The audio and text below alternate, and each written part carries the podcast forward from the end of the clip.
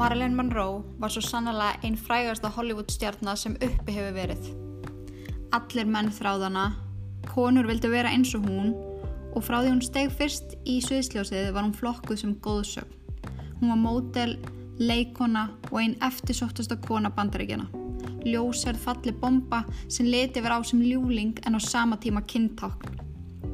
Hún virkaði hamingisum, hún hafði allt sem ung kona getið mögulega þráð en það eina sem Marlene vildi var að vera elskuð. En oftar en ekki fannst henni hún vera nótuð, kyngerð, gerða atlægi og öðlind þeirra sem réða hann til vinnu. Það fór sjokk bylgja yfir bandreikin þegar hinn 38 ára gamla Marlene fannst látin á heimilið sínu. Andlátt hennar var fljótlega talið sem sjálfsvík en margir halda, þar á meðal ég, að meira búi undir. Ég þóri að fullir að það að Marley Monroe var myrt og eftir að þau hlusta hana þátt muni þau líklegast fullir að það líka. Komið sæl, krakka mínir og verið hjartanlega velkomin í podcastáttin Ílverk. Þáttin sem að sanna það að það eru skrýmsli á meðalvor og oft nær okkur en við höldum. Uh, þátturinn í dag er svolítið öðruvísi en það sem ég vön. Ég hérna, er meira að segja ykkur frá einmitt svona raðmorðingum og svo les en uh, mér langaði að koma með svona smá kenningu, svona kenninga þátt af því að eins mikið ég hef áhuga á öllu svona trúgræn þá hef ég líka mjög mikið áhuga á einmitt, kenningum og ráðgátum og svo les og bara mitt helsta ædol í lífinu og hefur verið bara síðan ég var lítil er Marley Monroe, ég hef alltaf haldið ótrúlega mikið upp á hana og, og ég veit að rúslega margi sem gera það líka veist, það er að kaupa Nestisbox með Marley Monroe, hún er bara svona geðja í heiminum þú veist, það vita allir hver hún er. Hún er bara einmitt, eins og ég sagði á hann einn frægasta Hollywood stjarnar sem uppi hefur verið og hún er alveg klárlega í svona góðsagna tölu.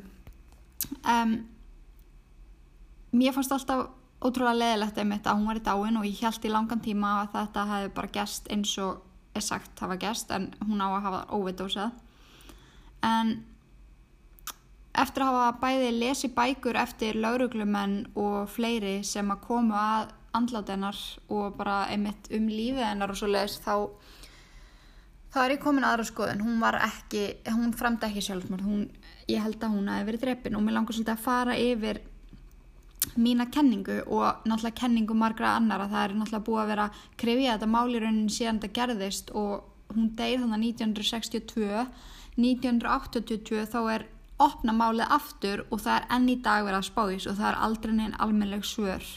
En þetta er ótrúlega áhugavert að spá í þessu þar sem Marlene er það er ekki hægt að líka neinum ferli við hennar feril, hún er bara ótrúleg, hún var ótrúleg kona. Og í leiðinni fyrst að ég ætla að segja ykkur frá þetta langaði mig líka bara að segja ykkur svolítið hennar sögu því að hún er mjög áhugaverð og þótt að margir viti hver Marley Monroe er þá vita kannski ekki allir söguna á baku og hvernig hún varð svona ótrúlega frægun sem hún var. Þannig að þátturinn í dag er smá svona kenningar og sögustund og ég vonaði að kunni að meta það svona á milli en þetta er allavega eitthvað sem ég langaði til að deila með ykkur. Og, og einmitt heyra ykkar skoðun á þessu þegar, þegar þátturinn kemur í lofti því að ég er alveg vissum að það séu fleiri með svona sterkar skoðunir á þessu eins og ég. Þannig að Marley Monroe, förum aðeins yfir hennar líf en ég vil auðvitað byrja á því að, að segja frá því að þessi þáttur er kannski ekki á hæfið barna. Ég kem til með að tala um morð og alls konar yllverk sem fólk hefur framið eins og ég segi alltaf. Þessi þáttur er náttúrulega kannski aðeins vægari heldur en vanalega en hann er svona svolítið dýpri kannski. Þú, þú þarfst að, að gefa þig svolítið í það að hlusta og taka eftir og, og einmitt bara setja þig svolítið inn í málið þannig að Ég er ótrúlega spennt að koma með aðeins aðra útgáfa af Íllverk og þið með að sjálfsögðu segja mig hvort að þið fýlið svona eða ekki. Ég vil klála líka vita ef að þið eru bara hell no, ekkert svona. Þá með ég endilega segja mér það og mér þykir náttúrulega væntum alla uppbyggilega gaggrinni og teka alltaf til mín og reyna að bæta mig en ég ákvaða að láta reyna þetta því að mér finnst þetta svo ótrúlega áhugavert og, og ég vissum að þið finnir það skýn í gegn. En hérna er allavega mál Marley Monroe, andlet hennar og aðeins um hennar líf áður en að hún varð Marley Monroe. Norma Jane Mortenson var fætt þann 1. júni 1926 í Los Angeles, Kalifornia. Móður hennar hétt Gladys Pearl Baker og egnaðist hún hana þegar hún var 24 ára gömul. Bassfæður Gladys var Edward Mortensson en hún fann fljótt að áhugin var ekki fyrir hendi að hans hálfu í að ala upp barni með henni. Gladys var staðræðan í því að ala upp stelpuna sjálf sem, að, sem hún skýrði Norma Jean og til þess að halda þeim uppi þá, þá vann hún við alls konar erfiða vinnur og það komu tímabil þar sem hún þurfti að koma normu fyrir á fósturheimilum svo hún næði að vinna og ná endum saman. En draumurinn hennar var að verða leikona og fór hún í ótal áhórandupröfur sem að, þú veist, gerði ekki neitt fyrir hana. Og því næsta sem hún komst í að vinna í kvikmyndahúsi var að vinna filmur og koma þeim fyrir á hjólum svo hægt væri að spila þér og framkalla, framkalla myndir okkur svo leiðist. Þarna, þú veist, 1926 þá voru það bara svona rammar sem voru paraðir saman. En þarna fór hún að koma normu oftar og oftar fyrir á fóstur heimilum og þá yfir sumar eða í nokkra mánuði senn og hún var bara andlega viðkvæm ungkona með lítið barn, hún hafði einhvern veginn ekkert bakland og henni fannst bara tímbæli að hún reyði ekki við þetta og þess vegna kom hún henni fyrir á fósturheimilum. Á þessum tíma voru það yfirleitt hjón sem að tóka við fósturbörnum og þau tóku ekki endilega við þeim að því að mér langaði að gera eitthvað gott fyrir heiminn eða færa barni gott og stabilt heimili heldur snýrist þetta oftar en ekki um peninga. En ríki gretti fólki fyrir að taka þessi börn og Norma fekk því bara frá blöytu barspenni útrúlega litla ást og umhyggju. Og á heimilunum sem að hún var komið fyrir á þá, þú þú fekk ekki þetta ekstra sem að er svo mikilvægt fyrir börn. Þannig að þú veist, frá því hún var mjög ung þá leiðin oft útrúlega hérna leiðin oft ótrúlega illa, hún greiðt inn í herbygginu sínu og talaði við ósynilega vini sína. En í hennar huga var hún í rauninu bara svolítið ósynileg, veist, það var engin, hún var ekki priority hjá neinum.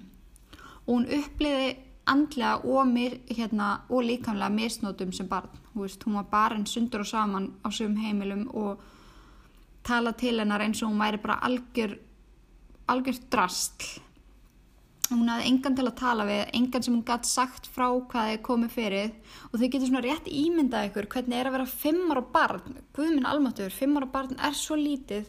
Og þú veist að vera í þessum kringustæðum, þú er engin mamma, það er engin pappi og það er bara fólk sem vil græða á henni og þetta er nefnilega punktur sem við skulum hafa baku eirað um, því að peningagræðgi er eitthvað sem að norma átt eftir að upplega það sem eftir var að æfisinni. Þetta var ekki fyrsta sinn sem að fólk reyndi að græða á henni.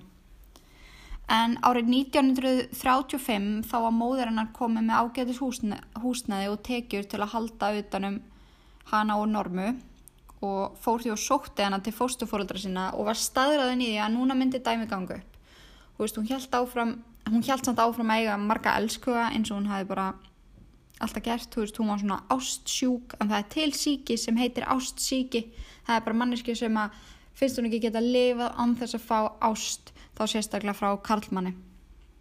Og þú veist, eða karlmannar þá til konu fattiði mig.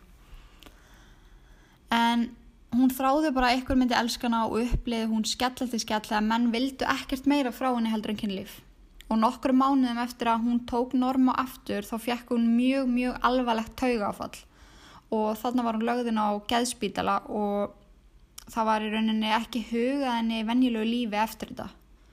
Og þarna missir Norma svolítið tengslinn við mömmu sína og þarf bara svolítið að fara sjálf út í heiminn og þannig er hún nýjara og fór þá aftur á fósturheimli og það var freka gráðut fólk sem tók við henni og letu þau hann að vinna á svona kornakri frá morgunni til kvölds, bara það hefur nýjara gamlu barni. Fólki bjó í Hollywood og þann stað hafði Norma oft heyrt um.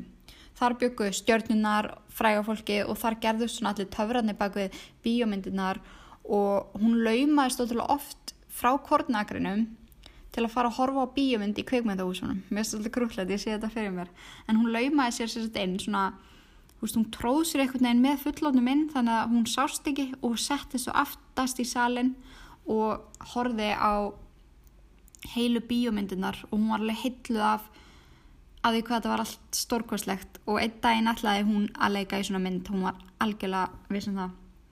En Jean Harlow var fljótt hennar svona idol eða uppáhald. Og ef þið googlið hana þá er hún mjög svipuð og Norma eða Marlene verður þegar hún voru eldri en hún var með ótrúlega fallegt svona platnumljóst hár ótrúlega indæl en samt ótrúlega kynntakafull svona svolítið mysterious veist, og ég gæti alveg eins og verið að lýsa Monroe núna.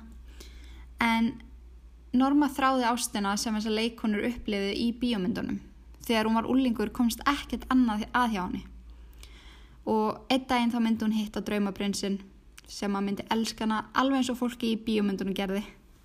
En Norma eitti mestum sínum tíma með börnum sem voru miklu yngra en hún. Hægðun hennar var ofta til mjög svona barsleg og hún elskaði að vera með aðilum sem letu upp til hennar. Af því hún hafði raunin aldrei upplifað neitt hann áður að vera spesial henni langaði að hanga með fólki sem gaf henni skilirisleisa aðtegli og hrypningu og vildi vera með henni allan daginn og börn gerði það. Það er bara staðrind að börnum finnst ótrúlega gaman þegar fullari fólk nennir að hanga með þeim. Þeim finnst það ekki að svona amazing. Og þarna var bara svona úlingstelpa sem nefndi að vera með þeim allan daginn á ströndinni og leika við þau og þarna átti hún bara sína bestu vinni og fjölskyldi í rauninni. En kynþróskaskeiði fór betur með normu heldur en flest okkar ég var það að segja þetta en á meðan til dæmis ég hef aldrei verið jafn ófríð og akkurat á þessum aldrei ángríns þegar ég skoða myndra mér þegar ég var þannig 14-15 holy, já það er alveg ótrúlega að mamma hafa ekki bara afnæta mér.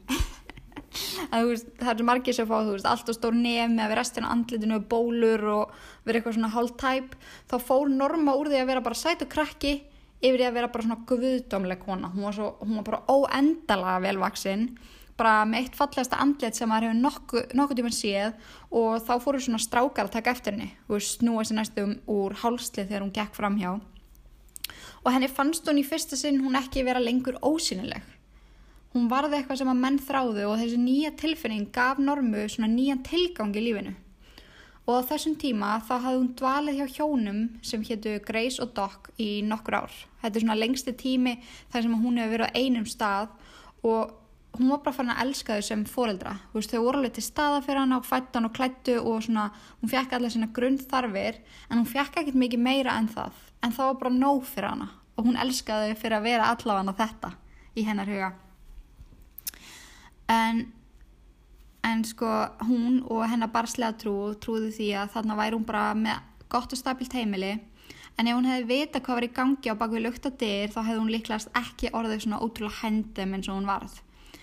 En málega það að hjónin voru að vinna í því statt og stöðugt að komin í burtu og reyna að finna mann sem myndi giftast henni og taka hann að sér.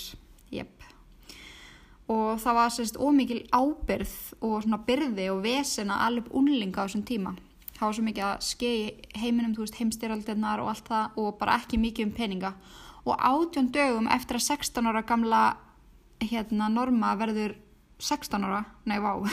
Ok, rugglaði sig eitthvað. En átjandugum sérst eftir 16 ára ammaliðsteininnar þá giftist hún hinn um 21 árs gamla James Daughtry.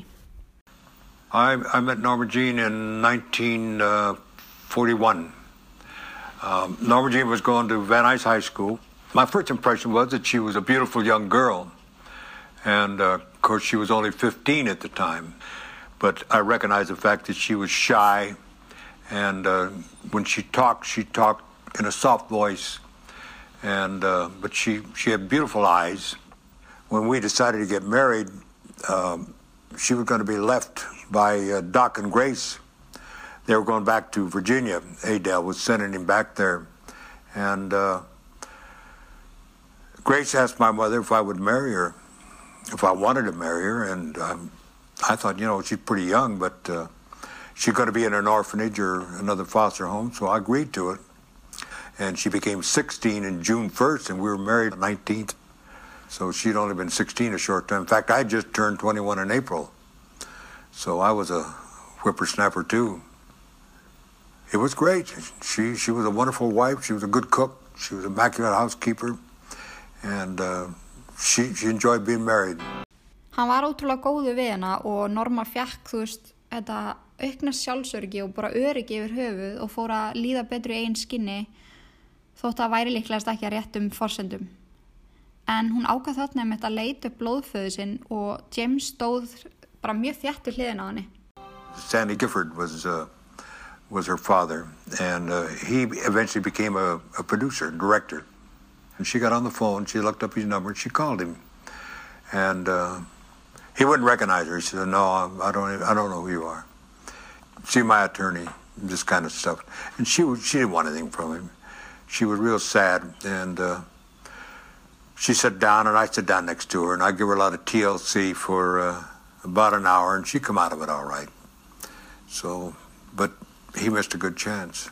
En eins og ég sagði ykkur þá á þessum tíma ríkti yfir setni heimstyröldin og mikil prósent á ungra manna sem að já, sem voru á þessum aldri störfuðu fyrir hönd þjóðarinnar þar á meðal James, maður sem hún var að giftast. Og áður að hann fór, veist, þeir þurfti allir að fara eitthvað, til að vinna í hernum og eitthvað, þá bað, bað Norman um að eignast barn með sér eða reyna allavega hana. Þannig að ef það kæmi eitthvað upp á, þá ætti hún alltaf eitthvað sem myndi hana á James.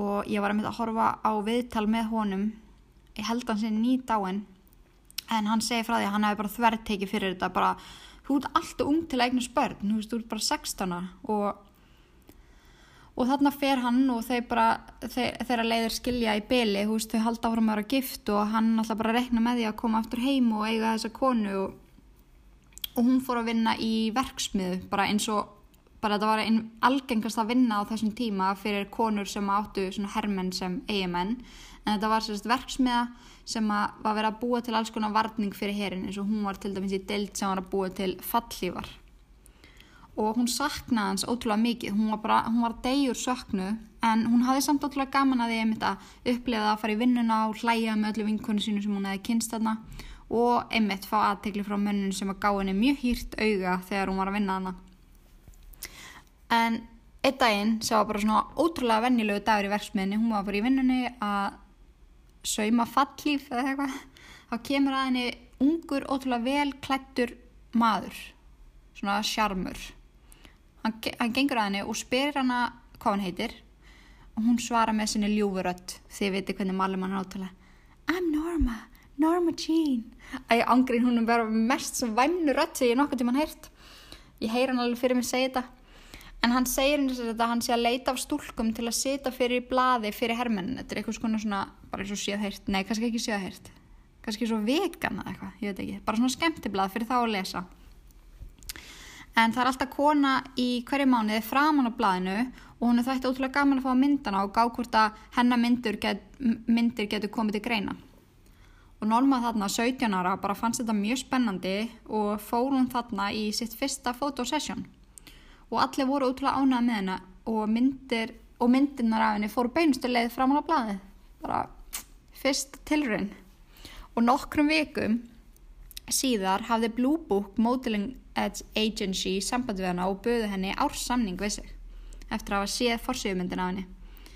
Og Normu leið þarna eins og hún væri einu skrifi nær draumunum sínum.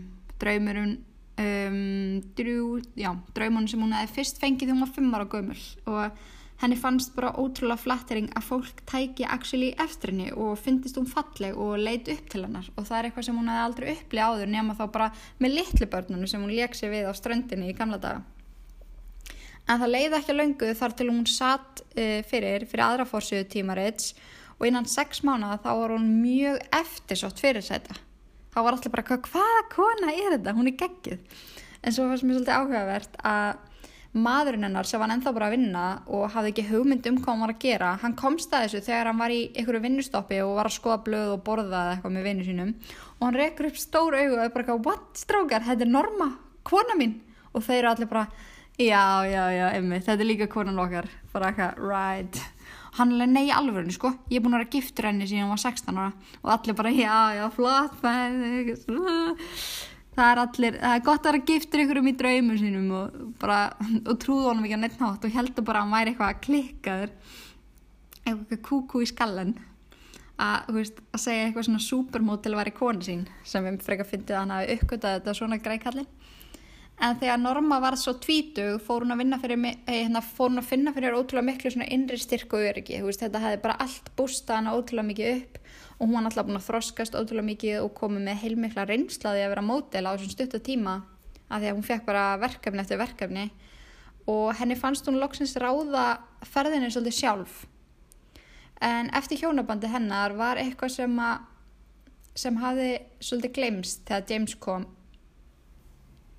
já, já, já, en hjónabandi hennar var eitthvað sem hafði glemst í öllu þessu ferli, hú veist þegar hann kom heim, hú veist eftir vinnutörn og þjónustu við herin þá, þá hú veist, þurftu þau alveg að setjast niður og ræða málinu að því að hann, hú veist, þurfti bara að fá sör I said to her one day, I says, you know, when I get home and I'm out of the service, you're going to have to make a choice. You're going to be Mrs. Doherty you're going to be uh, an actress.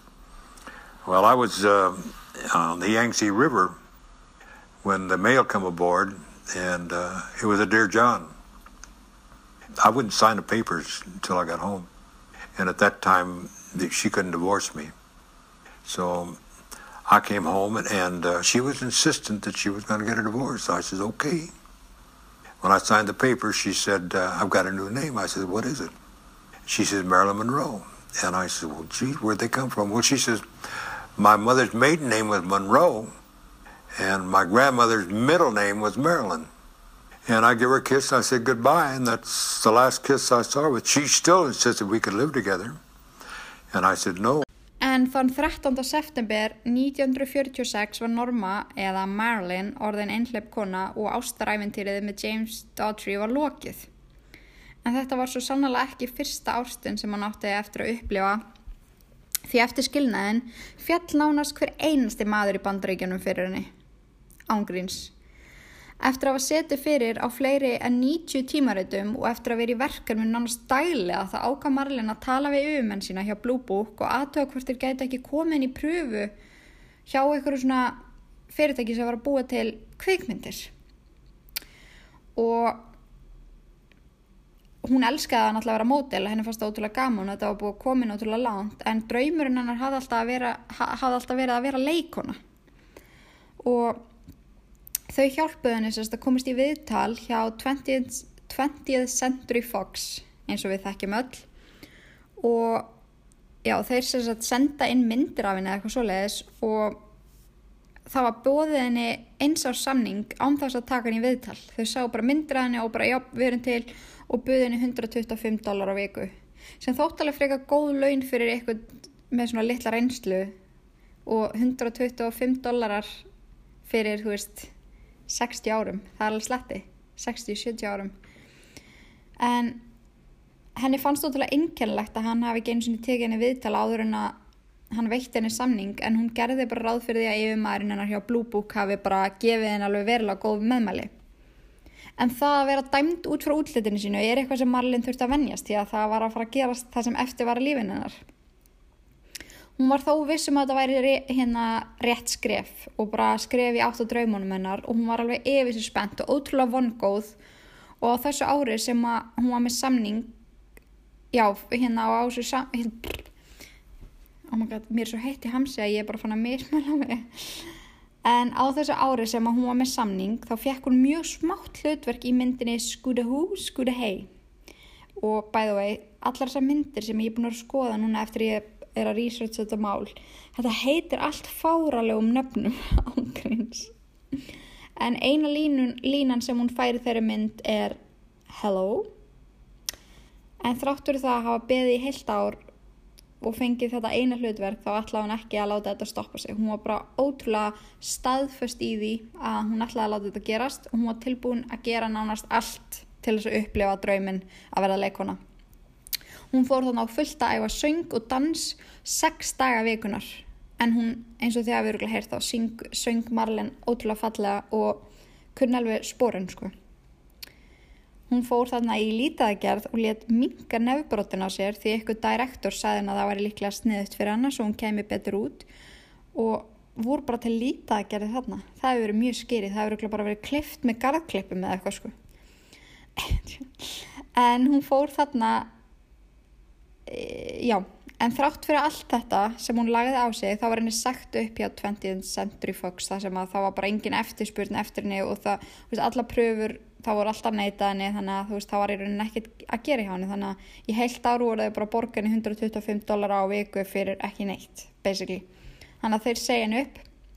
Og hún fór þarna strax og sótti um hjá Columbia Pictures sem að veitti henni á staðnum 6 mánuða samning og hún fekk fljótlega aðalhlutverk í söngleiknum Ladies and the Chores og síningin fekk mjög miklar undirtæktir þá aðalega frá kallmennum sem dáðust af söng og yfirmaður Marlene hjá Columbia held persónulega mjög mikið upp á hana.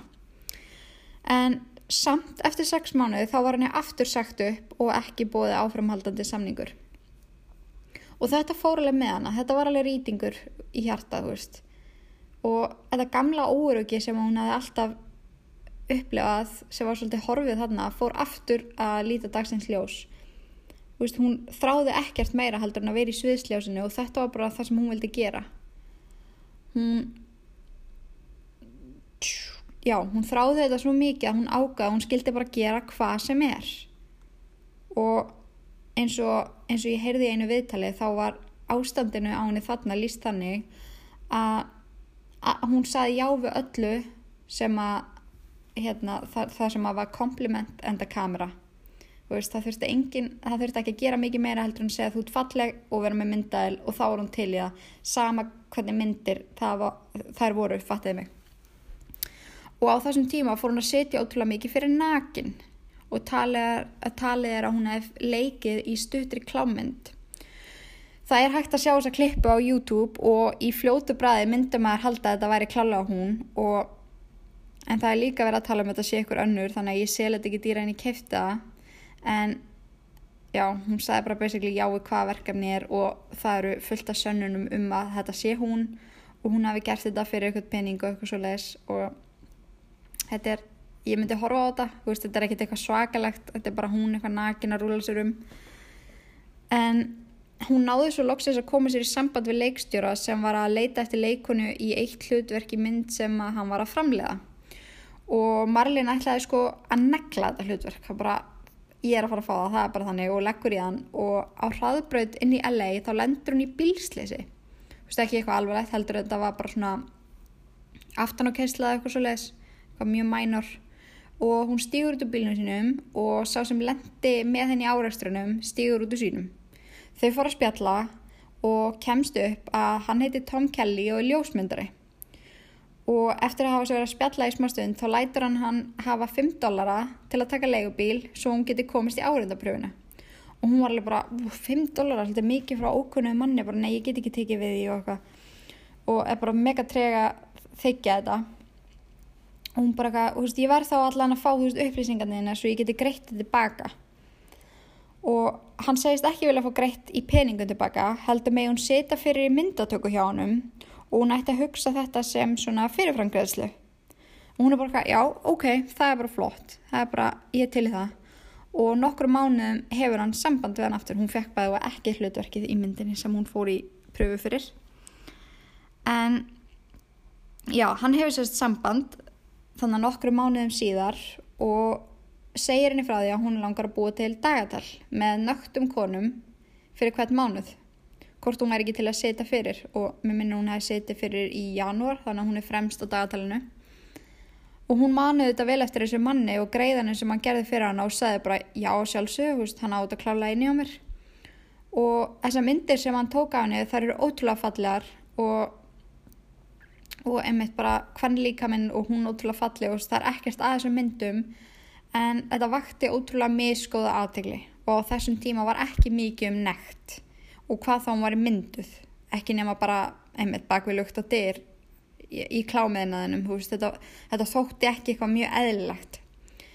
En þessi myndataka markaði mjög mikil tímamót í ferlunum hennar Marlin hún fór létt með mótilstörf og þau komu ótrúlega náttúrulega til hennar og sama en svo veist á samtíma mátti segja þetta elskuða hún átti nokkra. Og þú veist af því að hún satt fyrir nakin og satt fyrir og var alveg svo þetta að deyta þá fjekk hún pínu svona slött stimpil á sig að hún væri lauslátt sem að hjálpaði ekki öllu slúðurinu skiljiði mig. En hún kynnist þarna Johnny Hyde sem var forríkur svona business mogul sem var 30 árum eldri en hún. Og hann var náttúrulega bara heldtegin af 23 ára gamlu kæristuru sinni veist þau fara að deyta þarna mjög fljóðlega og hann vildi bókstala allt fyrir hann að gefa bara gaf henni gullhálsmenn og demanda og, og kom henni árandapröfur og, og skuttlaði henni út um allt og bara var tilbúin að gefa henni allt. Veist, enda var hann ótrúlega gamall og krumpaður og hún ungufalleg þannig að hann er talið sér ansi heppin og hann var alltaf að byggja um að gifta sér en hún var alltaf bara, nei mm, en hún, hún gaf ekki sagt nei við því þegar hann útveði henni hlutverk í glæpamyndinni Asphalt Jungle og þrátt fyrir það að hún hefði fengið freka lítið hlutverk þá síndi frammestu að hennar þar að hennar hæfileikasvið sem leikona var miklu víðara en margir heldu. Veist, hún gæti verið alvarlega líka. Hún var ekki alltaf þessi ljúfa, heimska, ljóska sem mar margir heldu, heldu hún væri að því að þú veist, þegar þið horfðu á vídeo með henni þá er hún svolítið svona, svona eins og hún sé eitthvað treg. En margir segja mér að það er bara verið eitthvað svona karakter sem hún setti upp.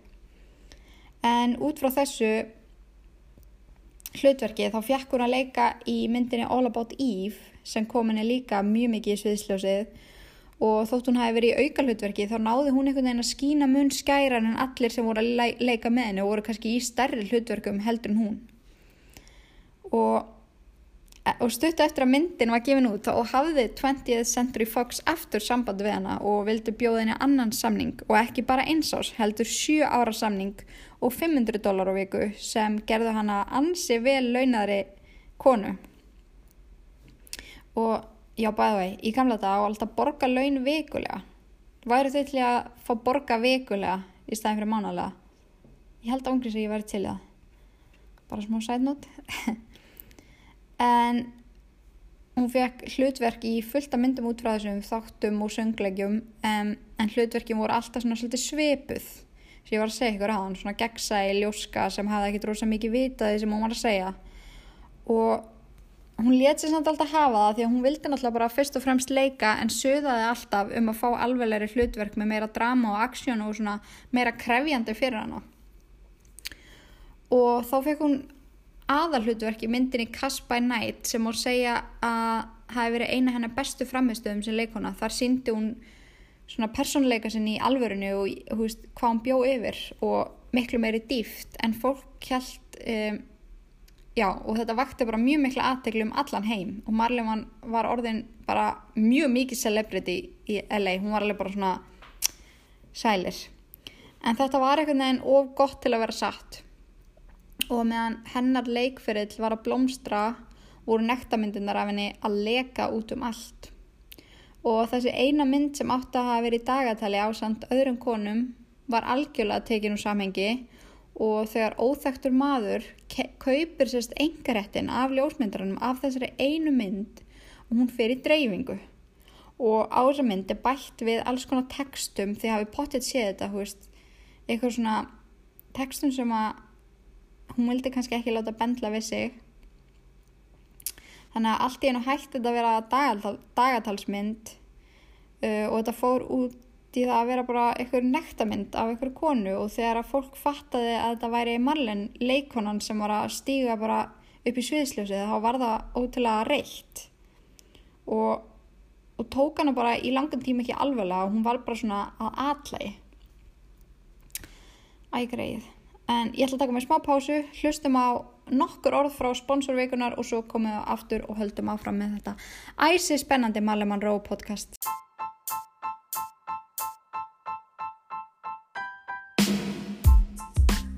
Sponsor þáttarins þessa veikuna er leanbody.is Æ, hann ennir engin að hlusta auðlýsingar. Skelltuðu bara á leanbody.is, notaðu kóðan Inga Kristjáns og gerðu geggjukaup sem tryggja þér hámars árangur. Leanbody, þín markmið, þín grein. Velkomin tilbaka. En, hvað, já, við vorum að tala um það að myndin hafi verið dreifð af henni nektarmyndin og það er ótrúlega margir sem sögðu að þetta hefði svo auðveldlega geta eðilagt feril svo ótrúlega margar, margra því að þú veist, þetta var bara ekki lægi á þessum tíma en það er talið að hvernig hún brást við því hafi bara svolítið snúið fólki, að því að hún var bara veist, I didn't have nothing on but the radio, veist, hún fóð bara grínast með þetta. Og af því hún tók þessu svona þá glemtist þetta ótrúlega fljótt. Og sama ár og þessi skandal kom með þessari mynd þá fór hún hérna í myndatöku fyrir tímaritt sem átti að vera fyrir herramenn. Og það er Playboy og það er alveg magnað. En fyrsta tímaritið sem að Hugh Hefner Playboy Guðin sjálfur gefur út er þetta þetta sama ár og hann fær hana til að setja fram hann á. Þannig að Marilyn Monroe er á fyrsta Playboy blaðinu by the way, ef að þið eigið þetta blað þá getið þið selta á svona getið þið selta á marga miljónir, það er mjög valjúbúl það er pottit ykkur sem áta blað ykkur staðar.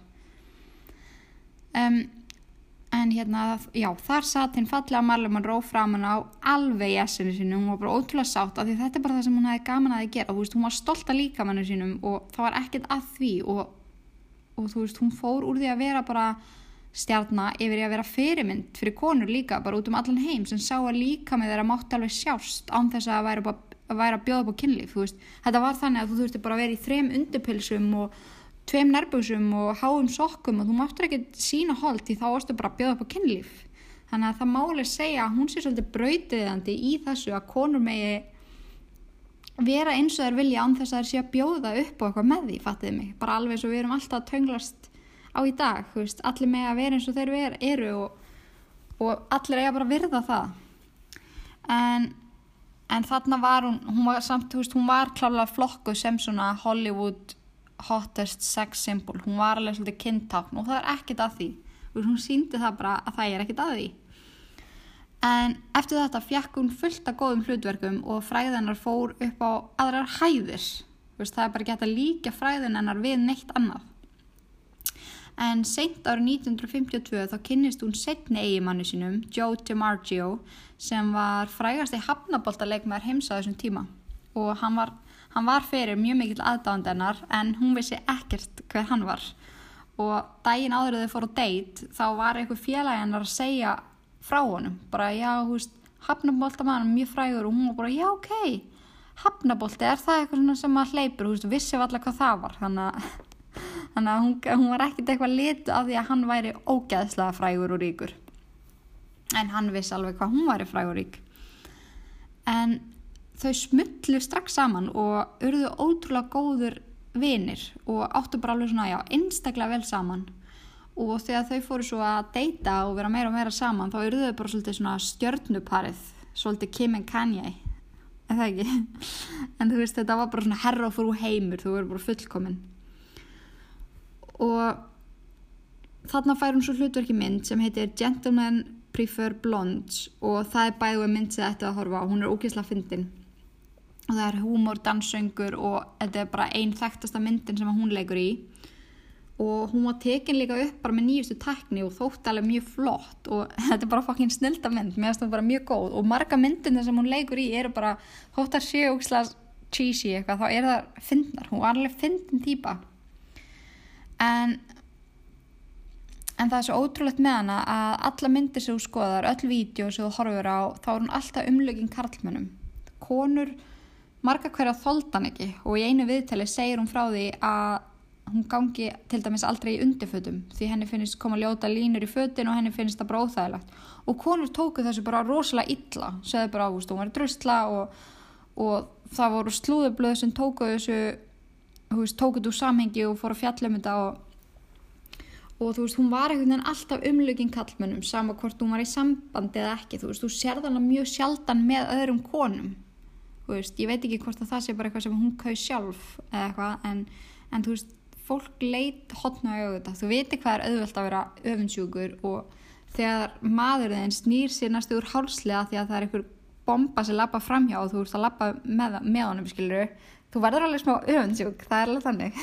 En þú veist, þá var allir að lendi þessu dagla með Marlin, þú veist, hún var bara algjör bomba. En hún tók þótt að veist, þótt að veri litið svona á hana þótt hún veri svona falleg og fólk veri sjúkt í hana þá tók hún leikferðir sin mjög alvarlega. Og hún bað aftur og aftur um það að fá að vera í myndum sem að síndu hversu góð leik hún á hún væri og fá að sína svolítið svona dift í karakterinu sínum.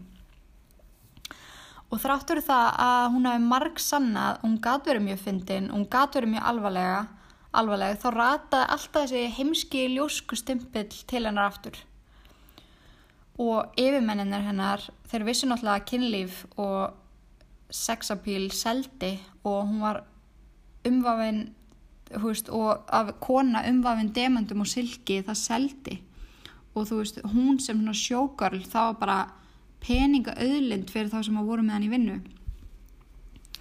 Og en þannig að þú veist á þessum tíma gerði fólk líka ótrúlega mikið grína henni veist, henni, henni var svolítið líst eins og barni í líkama mjög hot konu. En þú veist röttin henni var alltaf mjög mild þú veist svolítið eins og hún var að kvísla veist, hún gekk ekki um, hún sveifum og þegar hún var gangandi stundum út á götu þá hendi fólk eftir henni og þegar hún snýri sig við þá stoppuð allir. Og þetta þegar það átt að koma henni svo í enn eina svona ljósku glamurmyndina þá ákvaða hann að standa á sínu og hún sendi svona telegram til yfirmannsi síns og segi bara I don't like it. Og hún var reygin daginn eftir bara, hann var ekki drættið að þetta bara, heyrðu þú, ef þú ætlar ekki að taka verkefnun sem ég útlita þér þá er þetta bara, þá er þetta bara farið. Og ótrúlegt en satt að þótt að þeir hafi verið að byrja bara á þessari mynd og textin var bara komin í rauninni þá fengir inn svona Marlin Marley Monroe lookalike. Þú veist það var kona sem bara leitt nánast út eins og hún. Henni var greitt eins og hún, henni var klætt eins og hún og hún fenginn til að leika hlutverkið. Og hún var, all, hún var ótrúlega oft kölluð bara replacement á setti sem er ógætlegt en þeir hjá 20th Century Fox þeir vildu sérst hræða Merlin og sína henni að hún var ekkert sérstök. Og ef hún tók því ekki sem henni var bóðið þá var fullt öðrum hæfileikaríkum stelpum sem að gáttu komið hennar stað. Og þessum tíma eða árið 1954 þá var ferillin hennar Merlin svolítið bara á hold veist, þetta var alltaf mikið skellu fyrir hann og henni fannst þetta bara fála illa gert og hún er bara eitthvað hún, hún hugsaði með sig bara er þetta heimur sem ég vil taka þátt í? Veist, þetta er bara ívúl en þarna byður Joanna um að gifta sig og hún segir já og hún er fáralega spennt veist, hún var svo ástfangin á honum og þau voru ángrín svo sætt saman. Og þau hafði þetta bara útláða low key og giftu sig hjá síslumanni og hafði þetta bara svolítið útaf fyrir sig en þótt að þau reyndi það þá var tróðið af paparazzis fyrir utan síslu skrifstofuna þegar þau komu út. En þarna var frægasta kona í heimi og eitt frægasti íþróttumær í heimi að gifta sig og þetta var einmitt bara fólk ædulesar að þau. En þarna ákveði Marlin að taka lífið sitt svolítið í sína hendur og ætlaði ekki að láta þetta allt saman stoppa sig. Joe kemur henni svo óvart eftir brúðköpið með að kaupa enga, hand, enga þóttu handa þeim og bauð henni í brúðköpsferð til Japan. Og þarna þótt alveg frekar big deal að fara svona rosalega langt með fljóvel þannig að það er bara eitthvað sem að ríka ríka fólki gött gert þannig að hún var ansið svona flattered þegar það var keift fyrir hana enga flugvel eins og eins og maður myndi líklegast verða ef það var gert. Alltaf sé að það fór skipti með það? Tjók. en fréttinnar að ferðum þeirra fór út um allan heim eins og eldri sinu. Og í Japan þá byði fjölmiðla spenntir eftir því að fá stjórnum bara til landsins. En við verðum svona átt okkur því þótt að ég segja að þetta hefði farið eins og eldrum sinu þá tekur þetta alltaf svolítið tíma að fara eins og eldrun sunu því að þau fengu bara frettir í dagblöðum þú veist, þú getur ekki tvíta bara, heyrðu, Marley Monroe er bara eitthvað að koma til Japan og eitthvað. Þú veist, það, þetta var náttúrulega ekki þannig þetta var bara einu skilabóð sem eitthvað sendt út var hérna í blöðunum. Ég veit ekki hvernig þetta var með live útsendingar eitthvað svoleiðis, þótt að kvikmyndi var alveg byrjaðar ég er ekki viss, en veist allavega þegar ég segja þetta frettið svona þá tók þetta svolítið tíma að frettast en eftir nokkra daga í brúðköpsferð þá var Marlin beðin um að skemta í Japan hermunum sem að uh, voru í svona camps rétt fyrir utan borgina. Og Joe, veist, hann var ekkert eitthvað mjög sáttur að hún ætlaði að fara að vinna í brúðköpsferðina þeirra en hún var bara jú, þetta er geggja tækifæri, veist, ég er alltaf að fara að gera þetta og já, já, ángríns, þið verða að googla þetta aðrið en það voru mörg hundru þúsund mörg hundru þúsund menn. Það hefur verið að tala um að það hefur verið 15.000 menn eða eitthvað svona bull sem komu og horfða á hana. Og ég held að þetta og margir aðrir halda að þetta hefur verið svona svolítið waking point í hennar ferli og síndi það svolítið á svörtu kvítu hversu ótrúlega stór hún var.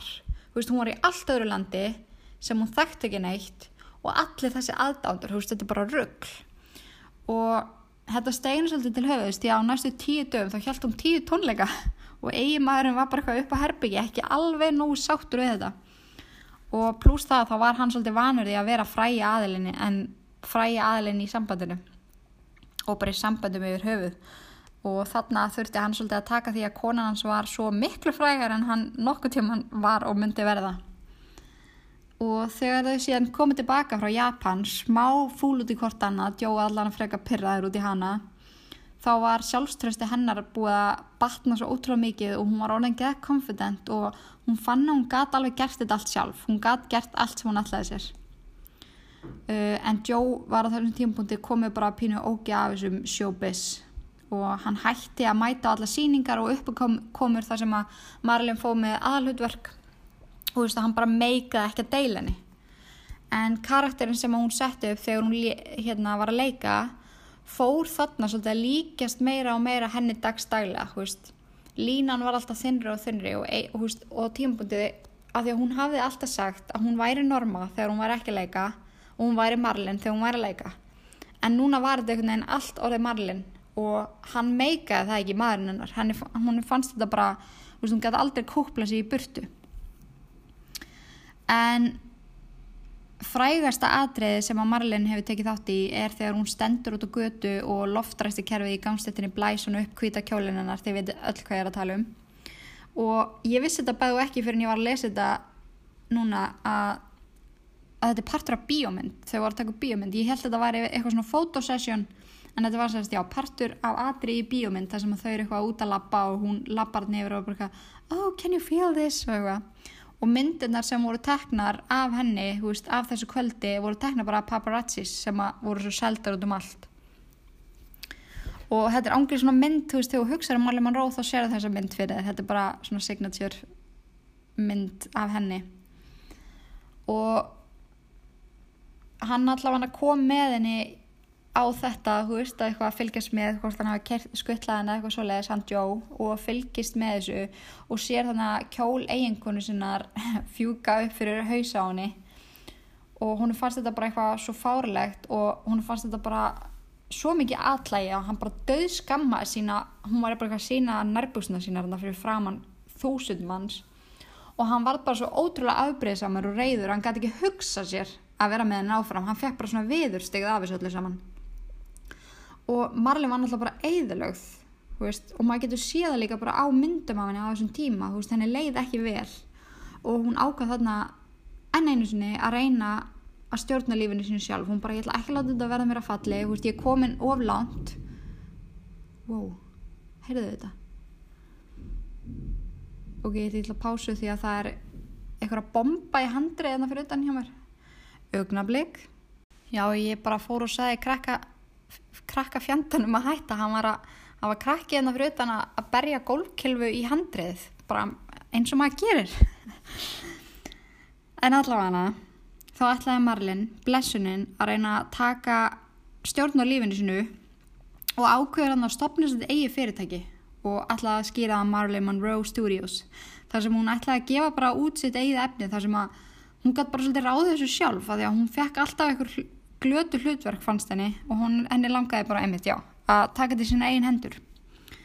En þar sem hún átti ennþá eftir þrjú ára samningu sínu við 20th Century Fox, þá fór eigandin þungum orðum um hana og myndi hana vinselast á það að hún var skuldbundin og hann ætlaði ekki að leifa þessu að gerast þegjandi og hljóðlaust.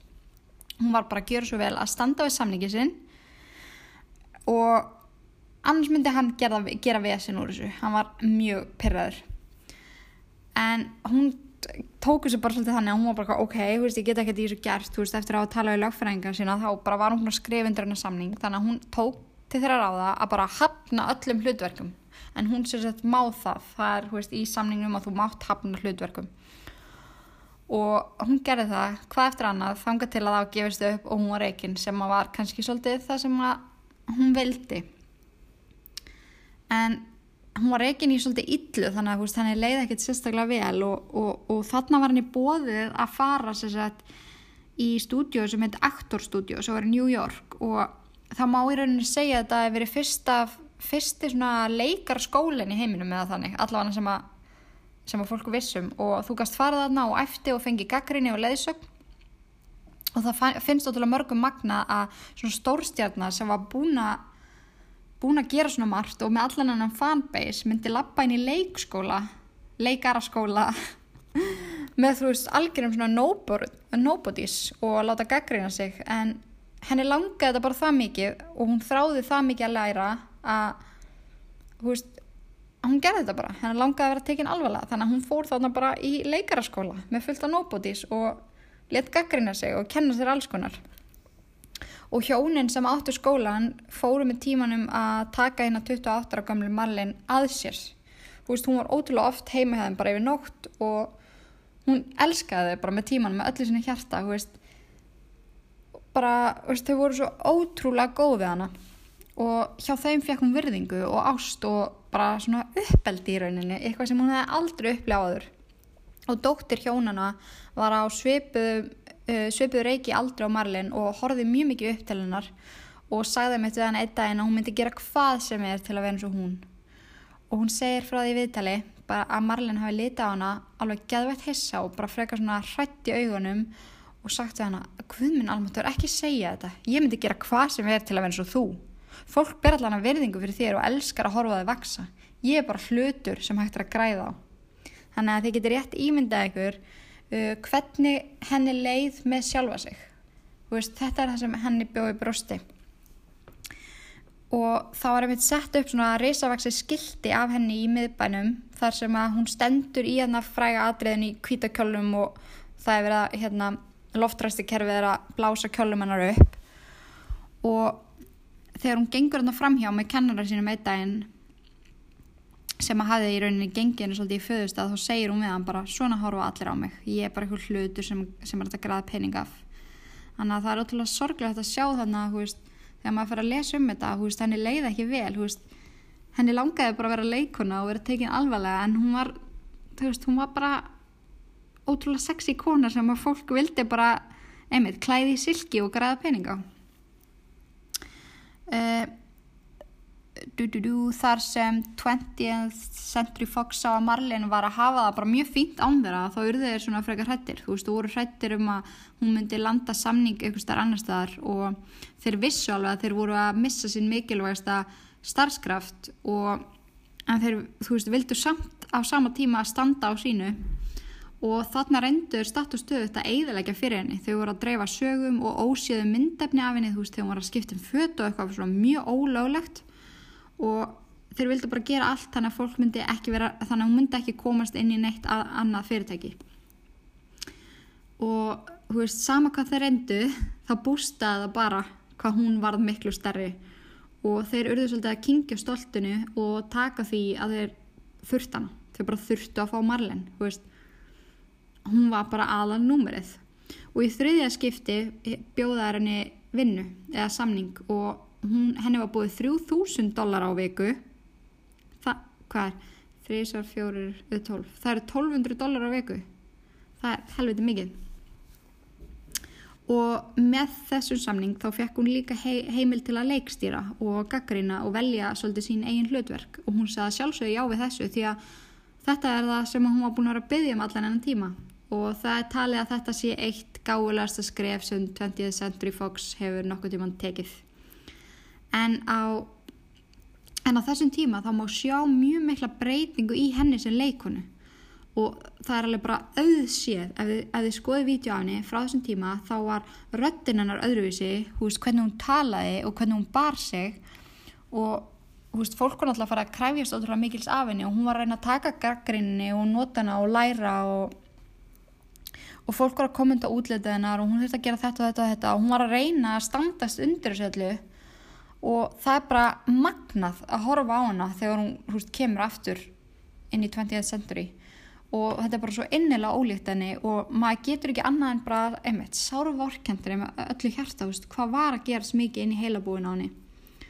Og húst uh, en á þessum tíma þá fer hún og leita sér sálfræðihjálpar og, og sálfræðingurinn að mæli með því við hana að hún finnir sér bara bók og skrifi niður allt sem henni líður og hún er fárlega dögleg við það. Ég kem betur inn á það eftir en vinkonurinn að staðfesta það að þessi bók var alltaf með henni. Hún var alltaf bara, hvernig henni leið þá hún það í bókina og þetta hjálpaði henni ótrúlega mikið. Þetta var svona rauð lítil vasabók og, og hún bara var einmitt alltaf með hana með sér. Og, en þessi sami læknir gaf henni líka róandi lið svo hún myndi funkara betur sem er alltaf lagi per se, þú veist, það er ekkert mála að fá sér róandi lið ef maður er kvíðin og svo leiðis en þetta virkaði bara öðruvísi í gamla dag, þú veist, það var ekki til neitt sér side effects eða eitthvað svo leiðis, það var bara til eitt lif fyrir eitthvað eitt og þú veist, þetta er svo miklu aðsniðinara einstaklingum í dag, fattiði mig. Þannig að þú veist, í staðin fyrir að reyna að nota lifin og bókin og allt, þú veist, til að stjórna, þá, þá fekk hún sér bara pillu og bældi allt niður, bara alltaf. Og og hjælt svo bara áfram, skiljiði skilji mig. Hún bara kerði sig áfram á þessu, á þessum kvíða livjum. En pressan á Marlegan, Marlegan var gríðaleg og veist, eins og ég er búin að segja örgulega þreysar núna í þessum texta, þá er engin líkanu og það er, ekki, það er engin sem hefur komast nálægt í. En Arthur Miller bað um höndunar What? Var ég búin að segja eitthvað frá því? já, já, búin að segja frá því. En já, hún sérst kynist þannig Arthur Miller uh, ég þarf að vera með gleru þegar ég er að lesa þetta og hann byður um hendunar og hún segir já og hún elskaði hann ótrúlega mikið og 1. júli 1956 þá giftuðu sig og fluttu til New York því að Marlin fekk hlutverk í sjóastætti sem voru teknir upp þar og hann hétt The Prince and the Showgirl Stuttu eftir það fekk Miller á sig ákæru fyrir að vera í innri samböndum við kommunista-samtöku. Já, þetta er mjög áhugavert. Þetta var mjög myndalegu maður, hún kolfjallalegi fyrir honum. En hann var eitthvað með eitthvað skrítinn sambönd og einmitt þetta kommunista-dæmi, það var ekki vel síðan þannig. Og það svo, haldið því fram að hann hefði verið að leka gögnum og Marlene stóð alveg mjög þjættu baki á hann. Það veit enginn hversu mikið hún vissi þótt að hún gæfi sér út fyrir að veit ekki neitt og vera ekkert flækt í hérna, flækt inn í þetta, þá voru samt öll hennar skref skoðu mjög gömgæfilega og reynda að fylgjast eins náið með henni og mögulegt var. En á sveipuðum tíma þá missir Marlene fóstur og sem að bara þetta gekk frá henni, hún, hún var svo ótrúlega ánað með að vera loksins að vera mamma og þetta var eitthvað sem hún hefði þráð frá því að hún giftist fyrsta manninu sem að er 16 ára gömul en hún misti barnið og það hafði einmitt bara alveg gríðala mikil áhrif á hana andlega og hún fór í djúft þunglindi hvað eftir annað. Og með hverju skiptinu sem hún uppleiði þetta þá var einhvern veginn erfiðar og erfiðar að ráða við þetta og þá tók hún meira og meira á töflum. En maðurinn hennar gaf henni smá svegrún til að batna en þvingaði hana mjög fljóðlega til að halda áfram að leika og þá fekk hún hlutverki í myndinni Some Like It's Hot sem er bæði mökkfindin hún er ókvæmlega fyndin. En ástæðan fyrir því að þú veist að hann vildi að hún teki hlutverki var því að eftir ákjæruna voru peningabálum bara frekar slæmhjáðum og þeim vantaði peninga. En Marley var alltaf mjög fjarlæg á æfingum mætti seint og stundum mjög seint myndi ekki textan og þurfti oftar en ekki að hafa svona cue cards fyrir framann hana svo að það væri að leika heila raunu án þess að hún myndi rugglast en þarna var hún einmitt bara farin að taka henni útrúlega mikið að livjum og þetta er bara að fara að hafa áhrif á hana dagstaglega en eins og ég sagði ykkur á hann þá voru ekki til neina, neina livselar, neina svona seglar um aukaverkanir, þetta var bara ef þetta virkaði þá virkaði þetta bara. Og, og það er bara auðsíð, eða veist það er bara bókst, það er klárlega þannig að þetta hafði áhrif á hvernig hún var að haga sér á setti. En Marlin talaði við hjúgrannukonu sem var alltaf hérna á setti, veist það er alltaf hjúgrannukona til staðar þegar við erum að taka myndir. Og hún saði henni frá því hvernig henni liði og hún svæfi mjög illa. Og þarna var skrifað upp á svepli fyrir hana líka. Og húst, hún fór mjög fljóðlega að misnúta það líka. Húst, hún tók þetta kannski tvær hún átti bara að taka eina. Og, og þessi ofnótkun á þessum livjum uh, er talið af orðið til þess að hún misti síðan annað fóstur. Og þetta fósturlát gekk algjörlega fram að henni. Og hún kom í rauninni aldrei eins veist, hún varð aldrei eins eftir þetta. En 1960 fekk hún hlutverk í svona kúregament sem átti að vera alveg þvílít hitt á þessum tíma. Og það var safnað saman öllum frægustu leikurum í Hollywood og hennar karakter var svo langt út fyrir allt sem hún hefði nokkuð tíma náðu gert veist, hún var svona kúregastelpa með fléttur og sítt hár og veist, þetta er eitthvað sem maður sér ekki alveg fyrir sér. Og Framkoma hennar á setti var einmitt stórfyrðuleg og leikstjórin kvartaði stöðugt yfir því og hegðun hennar var kölluð svona tardi og ég hafði eitthvað tardi, hvað því það? Þannig ég fór eitthvað að googla og þetta orðið sérst notaði því samingi að hún, hún veist, hagaði sér pínu eins og hún væri vangifin. Ég veit að maður má ekki segja þetta orð, eða helst ekki, en ég þekki ekki neitt annað orðið verið það. En þú veist, hún bara hagaði sér eins og hún væri ótrúlega mistróska. Þú veist, hún sagði stundum alveg ótrúlega skrýtna hluti og hlustaði ekkert á það sem fólk var að reyna að segja við hana eða byggja hann um og það hjálpaði ekki að Miller skildi við hana á mjög svipuðum tíma. Og, og svo þú veist nokkur veikum eftir það þá var hætti við myndina því leikstjórum fekk hjarta áfall og dó. Þú veist hversu mikið er þetta að leggja á eina konu svona seriously en Marlin kendi sér einmitt mjög mikið um þetta því að hann hafði einu sinni sagt við hana að ef hún heldi svona áfram og hann heldi áfram að vera svona stressaður yfir framkomið hennar og þetta myndi ekki allt saman gangu upp þá myndi hann reynlega að fá hjartafall bara að deyja og veist, hann sagði þetta alltaf bara í gríni en, en hún endaði þannig bara fráskilin í þriðasinn með enga vinnu, búin að missa tvö fóstur og farin að misnúta svepptöflur og róanditöflur. Staðurinn sem hún var á var bara mjög, mjög slæmur og andlega hliðin algjörlega í mólum og fór hún, hún fórstundi mikið fram rúminu dögun saman en veist, líka það að að líða svona á þessum tíma það var bara ekki til, þú varst bara geðsjúklingur eða þú varst svona veikur, þú veist alveg svo mamminar mamminar var potið ekki eins veik og maður ímynda sér, þú veist fattiði mig, en það er bara þú varst bara þörst að fara í spennitreyju á þessum tíma ef að, ef að þú varst svona andlega veikur, þú veist það var bara náttúrulega ekki ja, mikil þekking. Og ég get allavega sagt ykkur það eftir andlega hennar þá var það ótrúlega mikil vitund og vakning um einmitt bara svona líðan. Uh, en á þessum tímaði mitt, þú veist, þannig var hún þunglind og leið illa og sálfræðingurinn hennar vildi láta leggja hana inn. Það var gert 1961 og þá fór hún í, hérna á spítala í New York og uppliði í rauninni sína verstu martruð og það var að verða eins og mammenar. Já, ég bara fór og sagði krakka, krakka fjandanum að hætta. Hann var að, hann var krakkið hérna fyrir utan að berja gólkilfu í handrið, bara eins og maður gerir. En allavega þá ætlaði Marlin, blessunin, að reyna að taka stjórn á lífinu sinu og ákveður hann að stopna þetta eigi fyrirtæki og ætlaði að skýra það Marlin Monroe Studios þar sem hún ætlaði að gefa bara út sitt eigið efni þar sem að hún gæti bara svolítið ráðið þessu sjálf að því að hún fekk alltaf einhver glötu hlutverk fannst henni og hún, henni langaði bara einmitt já að taka þetta í sína eigin hendur. En þar sem hún átti ennþá eftir þrjú ára samningu sínu við 20th Century Fox þá fór eigandin þungum orðum um hana og myndi hana vinselast á það að hún var skuldbundin og hann ætlaði ekki að leifa þessu að gerast tegjandi og hljóðlaust. Hún var bara að gera svo vel að standa við samningi sinn og annars myndi hann gera, gera vesin úr þessu. Hann var mjög pyrraður en hún tók þessu bara svolítið þannig að hún var bara ok, veist, ég get ekki því þessu gert. Þú veist, eftir að tala við lögfræðingar sína þá bara var hún skrifundur hennar samning. Þannig að hún tók til þeirra ráða að bara hafna öllum hlutverkum. En hún sér sett má það. Það er, veist, í samningnum að þú mátt hafna hlutverkum. Og hún gerði það hvað eftir annað þanga til að það gefist upp og hún var reygin sem að var kannski svolítið það sem hún vildi.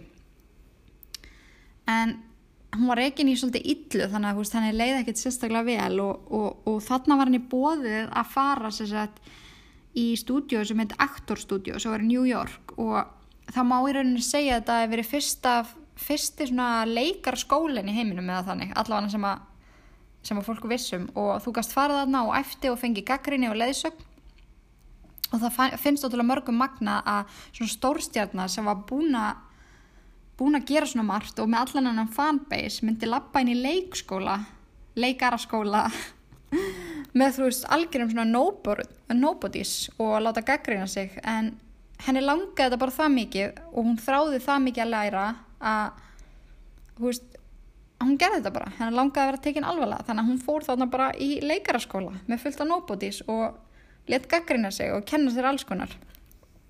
Og hjónin sem áttu skólan fóru með tímanum að taka hérna 28 ára gamlu Marlin að sér.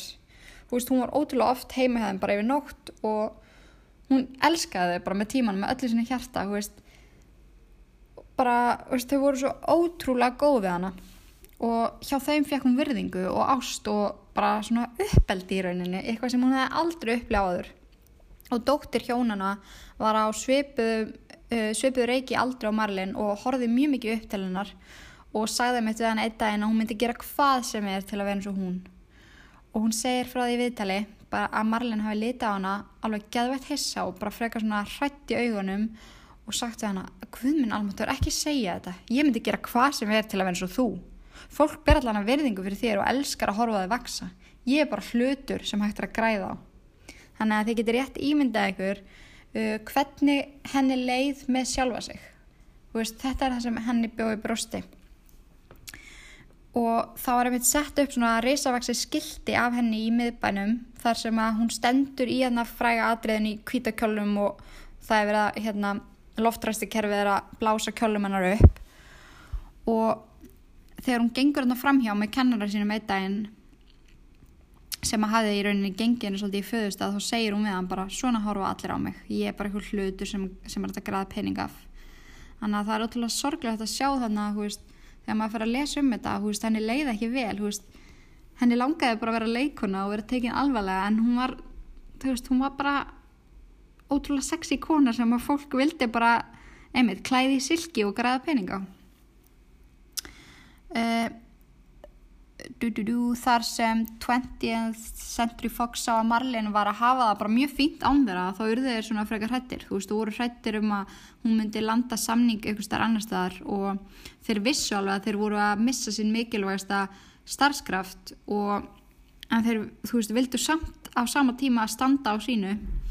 Og þarna reyndur statustöðu þetta eiðilegja fyrir henni. Þau voru að dreifa sögum og ósíðu myndefni af henni þú veist, þau voru að skipta um föt og eitthvað svona mjög ólöglegt og þeir vildi bara gera allt þannig að fólk myndi ekki vera þannig að hún myndi ekki komast inn í neitt að, annað fyrirtæki.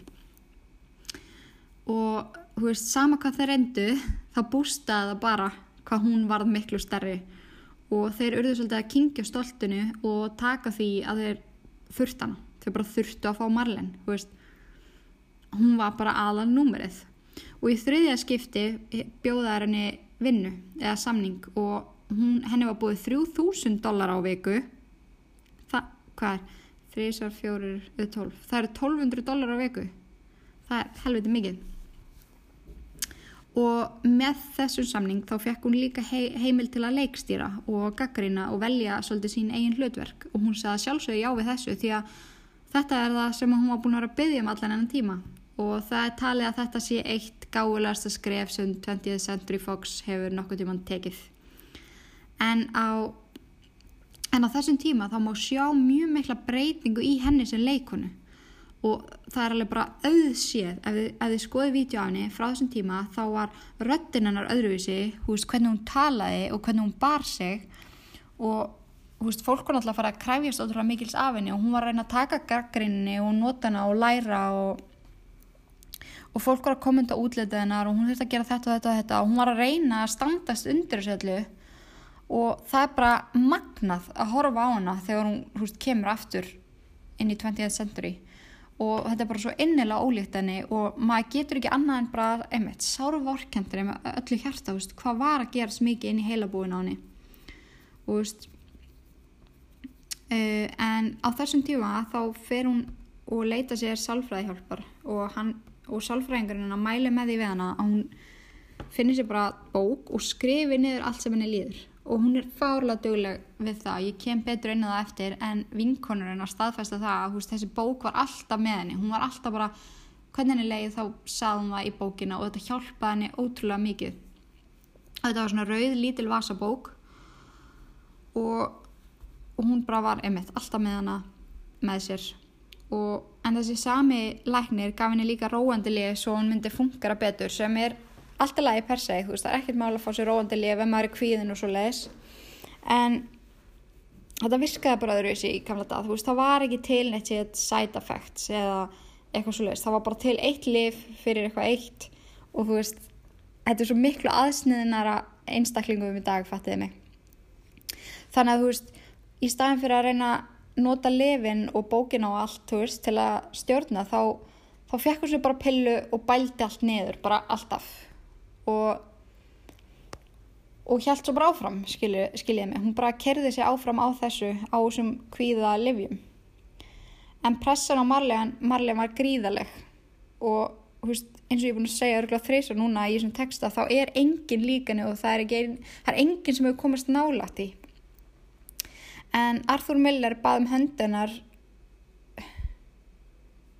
What? Var ég búin að segja eitthvað frá því? já, já, búin að segja frá því. En, já, hún sérst kynnist þannig Arthur Miller. ah, ég þarf að vera með gleri þegar ég er að lesa þetta. Og hann byður um hendunar og hún segir já. Og hún elskaði hann ótrúlega mikið og 1. júli 1956 þá giftuðu sig og fluttu til New York því að Marlin fekk hlutverk í sjóastætti sem voru teknir upp þar. Og hann hétt The Prince and the Showgirl. Stutt eftir það fekk Miller á sig ákæru fyrir að vera í innri samböndum við kommunista-samtöku. Já, þetta er mjög áhugavert. Þetta var mjög myndalegu maður, hún kolfjallaleg fyrir honum. En hann var eitthvað með eitthvað skrítinn sambönd og einmitt þetta kommunista-dæmi, það var ekki vel síðan þannig. Og það svo, haldið í fram að hann hefði verið að leka gögnum og Marlene stóð alveg mjög þjættu baki á hann. Það veit enginn hversu mikið hún vissi þótt að hún gæfi sér út fyrir að veit ekki neitt og vera ekkert flekt í hérna, flekt inn í þetta, þá voru samt öll hennar skref skoðu mjög umgæfilega og reynda að fylgjast eins náðu með henni og mögulegt var. En á sveipuðum tíma þá missir Marlin fóstur og sem bara þetta gekk frá henni, húst, hún var svo ótrúlega ánað með að vera loksins að vera mamma og þetta var eitthvað sem hún hefði þráð frá því að hún giftist fyrsta manninu sem að er 16 ára gömul en hún misti barnið og það hafði mitt bara alveg gríðala mikil áhrif á hana andlega og hún fór í djúft þunglindi hvað eftir annað. Og með hverju skiptinu sem hún uppleiði þetta þá var einhvern veginn erfiðar og erfiðar að ráða við þetta og þá tók hún meira og meira upp töflum. En maðurinn hennar gaf henni smá sveigurum til að batna en þvinga hana mjög fljóðlega til að halda áfram að leika og þá fekk hún hlutverki í myndinni Some Like It's Hot sem er bæði mökkfindin hún er ókvæmlega fyndin. En ástæðan fyrir því að veist að hann vildi að hún teki hlutverki var því að eftir ákæruna voru peningabálum bara frekar slæmhjáðum og þeim vantaði peninga. En Marley var alltaf mjög fjarlæg á æfingum mætti seint og stundum mjög seint myndi ekki textan og þurfti oftar en ekki að hafa svona cue cards fyrir framann hana. Svo að það væri að leika heila raunu án þess að hún myndi rugglast en þarna var hún einmitt bara farin að taka henn útrúlega mikið að livjum og þetta bara fara að hafa áhrif á hana dagstaglega en eins og ég sagði ykkur á hann þá voru ekki til neina, neini livselar, nei svona selar um aukaverkanir, þetta var bara ef þetta virkaði þá virkaði þetta bara. Og, og það er bara auðsíð, eða veist, það er bara bókst, það er klárlega þannig að þetta hafði áhrif á hvernig hún var að haga sér á setti. En Marlin talaði við hjúgrannukonu sem var alltaf hérna á setti, veist, það er alltaf hjúgrannukona til staðar þegar við erum að taka myndir. Og hún saði henni frá því hvernig henni liði og hún svæfi mjög illa. Og þarna var skrifað upp á svepplif fyrir hana líka. Og húst, hún fór mjög fljóðlega að misnóta það líka. Húst, hún tók þetta kannski tvær, hún átti bara að taka eina. Og, og þessi ofnótkun á þessum livjum uh, er talið af orðið til þess að hún misti síðan annað fóstur. Og þetta fósturlát gekk algjörlega fram að henni. Og hún kom í rauninni aldrei eins veist, hún varð aldrei eins eftir þetta. En 1960 fekk hún hlutverk í svona kúregament sem átti að vera alveg þvílíkt hitt á þessum tíma. Og það var safnað saman öllum frægustu leikurum í Hollywood og hennar karakter var svo langt út fyrir allt sem hún hefði nokkuð tíma náðu gert veist, hún var svona kúregastelpa með fléttur og sítt hár og veist, þetta er eitthvað sem maður sér ekki alveg fyrir sér. Og Framkoma hennar á setti var einmitt stórfyrðuleg og leikstjórin kvartaði stöðugt yfir því og hegðun hennar var kallur svona tardi og ég eitthvað tardi, hvað því það? Þannig ég fór eitthvað að googla og þetta orðið sérst notaði því samingi að hún, hú veist, hagaði sér pínu eins og hún væri vangifin. Ég veit að maður má ekki segja þetta orð, eða helst ekki, en ég þekki ekki neitt annað orðið verið það. En þú veist, hún bara hagaði sér eins og hún væri útrúlega mistróska, þú veist, hún sagði stundum alveg ótrúlega skrikna hluti og hlustaði ekkert á það sem fólk var að reyna að segja við hana eða byggja hann um og það hjálpaði ekki að Miller skildi við hana á mjög sveipuðum tíma. Og og svo þú veist nokkrum vikum eftir það þá var hætti við myndina því leiksturum fekk hjarta áfall og dó. Þú veist hversu mikið en Marilyn kendi sér einmitt mjög mikið um þetta því að hann hafði einu sinni sagt við hana að ef hún heldi svona áfram og hann heldi áfram að vera svona stressaður yfir framkomið hennar og þetta myndi ekki allt saman ganga upp þá myndi hann reynlega að fá hjartafall bara að deyja og veist, hann sagði þetta alltaf bara í gríni en, en hún endaði þannig bara fráskilin í þriðasinn með enga vinnu, búin að missa tvö fóstur og farin að misnúta svepptöflur og róanditöflur. Staðurinn sem hún var á var bara mjög, mjög slæmur og andlega hliðin algjörlega í mólum og fór hún, hún fór stundum ekki fram rúminu dögun saman en veist, líka það að, að líða svona á þessum tíma það var bara ekki til, þú varst bara geðsjúklingur eða þú varst svona veikur, þú veist alveg svo mamminar, mamminar var potið ekki eins veik og maður ímynda sér, þú veist, fattiði mig, en það er bara að þú varst bara þurft að fara í spennitreyju á þessum tíma ef að, ef að þú varst svona andlega veikur, þú veist, það var bara náttúrulega ekki ja, mikil þekking. Og ég get allavega sagt ykkur það að eftir andlaðinar þá var það ótrúlega mikil vitund og vakning um einmitt bara svona líðan. Uh, en á þessum tíma einmitt, þú veist, þannig var hún þunglind og leið illa og sálfræðingurinn hennar vildi láta leggja hana inn. Það var gert 1961 og þá fór hún í, hérna á spítala í New York og uppliði í rauninni sína verstu martröð og það var að verða eins og mammenar. Eina manneskjan sem stóð við hlið Marlin og reyndi að hjálpa henni var Joe DiMancio sem var eiginmaðurinn hennar nummið tvö sem hún var alltaf svo ótrúlega hrifin af og hann af henni og hann heimsótt hana og þegar hún var síðan útskrifuð fór hann með hana heim á sjúkrásinu og það byði mörg hundru þúsund, nei ekki mörg hundru þúsund, það byði mörg hundru manns fyrir utan sjúkrahúsið sem reyndu að fá viðtöl og það var bara martur að hann komin út í bíl því að þú veist þau komist alltaf út. Og þetta var í alveg fólk sem var það sjúkt að veist hleyftin ekki heim af sjúkrahúsinu en Joe vildi þarna láta reyna aftur á sambandi þannig að hann vildi vera hjá henni og hjálpa henni og ná bata og veist það sagði við henni ég var alltaf að elska þig. Og þrátt fyrir að hafa skilið við þá, þá gerði ég í rauninu bara því ég gæti ekki hugsa, hugsa verið að deila þér með öðrum veist, ég átti brókslega erfitt með þetta og, og veist, sannleika sagt að sé eftir þessi dag og í spá tíma þá gekk þetta ótrúlega vel hjá þeim þau, hún hætti að nótast við lifin og þau bara sopnuðu saman og vaknuðu saman og veist, hún nautast að vera með Joy, Joy, Joy, Joe. En það leiði ekki á löngu þar sem sjálfsæðingakvötin sem hún hafi búið yfir í hjartanum svo lengi leið dagsins ljósun í að það er bara þannig að sjálfsæðingakvöt hún er addiktiv. Þeir sem að þjárstafinni vita það. Þú, þú átt erfitt með að ganga vel. Þér finnst það of, of gott til að vera satt og þú reynir vísvitandi að leita upp í galla og svo leiðis í samböndunum af því að þú veist, þú trúir ekki að eitthvað getur verið svona gott veist, þetta, þetta er til, þetta er mjög algengt bara mjög slæmt en þetta fór hún að hanga mjög mikið með Frank Sinatra og félögum hans og sást hún oft á djamnum með þeim þar sem hún var að drekka mjög mikið hún myndaði líka mjög náið samband við John F. Kennedy og fljótlega koma út sögur um að þau voru að sofa saman en hann var giftu maður og náttúrulega bara fósiti bandaríkjana þannig að þær sögur voru mjög illa síðar og þarna reynir, þarna hugsa manlega með sér bara ok, í eitt skipti fyrir öll þá ætlum ég að stjórna mínu einn lífi og þannig að grennist hún ótrúlega mikið, þú veist, fyrir að stunda líkansrekt og er bara í mjög góðu formi, þú veist ekki ána við þurftist því að hún var ángurins fullkominn og var það bara alla æfi en þarna var hún bara orðin svona frekar grönn, hún veist alltaf lega með það. Og hún fekk sér nýjan hárstíl, hún, veist, hún fór úr því að vera ljósir yfir í að vera bara algjörlega kvítarð, bara svona signature marlemann róhár og förðunafræðingurinn hann fór, fór að prófa sér áfram og þá fór hún alltaf bara að koma nýja vörur á markað og þá, hún veist, og ef þið ímyndiði make-upið hennar þá, þá er það þetta hérna hvít, hvíti augskuggi og, og mikli ælaner sem að, þú veist, mér persónulega fannst hún miklu sætari áður en hún breytti sællu að því að mér fannst hún eitthvað svona effort það var eitthvað, hún þurfti ekki að hafa fyrir að vera fallega en hún var sem í orðin svona útbrent megabaupp á þessum tíma. Ég veit ekki hvernig ég get orðaða betur. En þannig fór hún í aðra nektarmyndatöku sem var vídjó í þetta skipti og hún nauta þess að sína fínu línuna sínar sem hún hefði unnið svo mikið fyrir síðustu mánuði.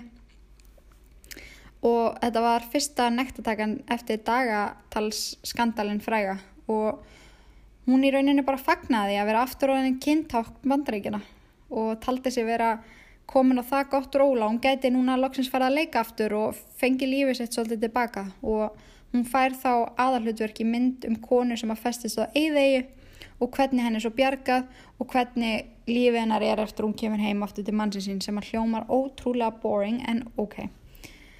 Og á setti þá bara er hún eitthvað annað annars hugar, hún bara gleymir línum, hún getur ekki sagt eina línu á þess að rugglast, hún fór að mæta ótrúlega illa og þú veist, þegar fór að líða á framleiðslan á myndinni þá komu heilu dagarnir sem hún mætti ekki því að hún, hún komst bara ekki upp í rúmunu og læknirinn hennar og sálfræðingur voru bara gefinu vottor hvað eftir, hvað, veist, hvað eftir annað. Bara hún væri bara ekki mentally stable til að koma í vinnuna. Og hún átti líka bara ekstra erfitt með þessa mynd því að veist, eftir, hún, eftir henni bjargað af eiginu þá tekum við bara svona eðlilegt heimilislíf í rauninni hjá sér konu og veist, þetta tók ótrúlega mikið á hana andlega því að hún hefði í rauninni alltaf þráð bara vennilegt heimilislíf og sérstaklega þegar hún tók upp aðri í myndinni þar sem hún er móður tvekja barna og börnin sem er að leiki myndinni er á sama aldri og hennar hefðu verið ef það hefðu lifað. Og þetta myndana bara á allar hræðilegu tilfinningar sem að það var að missa barn og hugsa til, til þess að hún ætti aldrei eftir að upplefa það að vera veist, það er svo ótrúlega sorglegt að horfa á þessi aðri því að það skýn svo mikið í gegn hvernig líður hræðilega illa.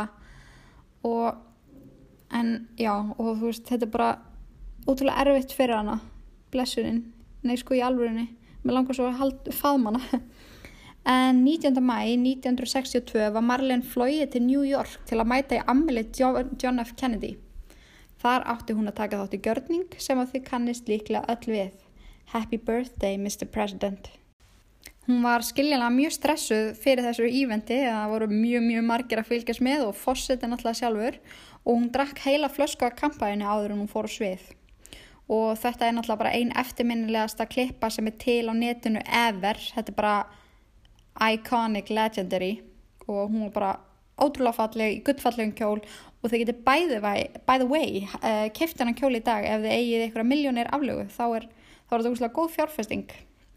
Þessi tiltakning kjól sem hún var í þegar hún söng fyrir fórsettan en ég myndi klála að skoða það ef þið viljið fjárfesta en hún átti svo sjálf ammali 1. júni þannig að nokkrum dögum síðar og hún sá fram á það að hún var að fara að vinna á setti á ammælistæðin sinn og þeir sem unnu með henni þeir tóku meðvita ákvörnum að þykjast hafa klemt ammælinannar og já og þángar til að þeir voru búin að taka upp að því þau vildu alla hennar orku í vinnudaginn og vildu ekki trublana þegar klukkan sló svo sex og tökuð voru búinar þann daginn var dregin fram kaka og henni óska til hamingi með daginn. Og ég veði kenja, mér finnst þetta ótrúlega anstekilegt líka því ég veit hversu mikilvægt fyrir henni það er að vera elskuð og tekið eftir henni. Hún veist henni verið að liða ógeðslega illa annan dag. En það sem hún vissi ekki akkurat þarna er að þetta var hennar síðasti vinnudagur. Daginn eftir var hún rekin og við tók hræðilegt tímabili lífin hennar hún ringdi útrúlega ofta nóttuna eftir þetta í vinni sína og var eiginlega bara að bylla í síman hún var bara svo livjuð og fólk hafði alveg verulega áhugir af henni og þá aðalega Joe. Og þann 5. ágúst 1962 kom háskipurinn hennar af henni látni í rúminu sinu. Vettvangi sem er líst þannig að náttborði hennar var þakki pilluglösum. Hún lág nakin í rúminu með síman í hendinni og það reyð bara yfir ótrúlega mikil sorg í bandaríkjunum og bara í heiminum öllum. Og það er talið að þarna hafi verið um að ræða bara suicide by accident. ef þið værið að hlusta á bara einhverja klassiska dokumentari podcast núna um þetta mál þá geti ég stoppa þarna. En hell no. Elsku lömpin mín ég er bara rétt að byrja ángríns, skellum okkur í örstutarauðlýsingar og náðu ykkur í eitthvað mönns, ég ætlaði að vera að drakka, ég er þotn í hálsunum að því ég er svo bara heitti hamsi yfir þessu og gera eitthvað tilbúin því sagan sem að öllum var sagt meikar engan sens.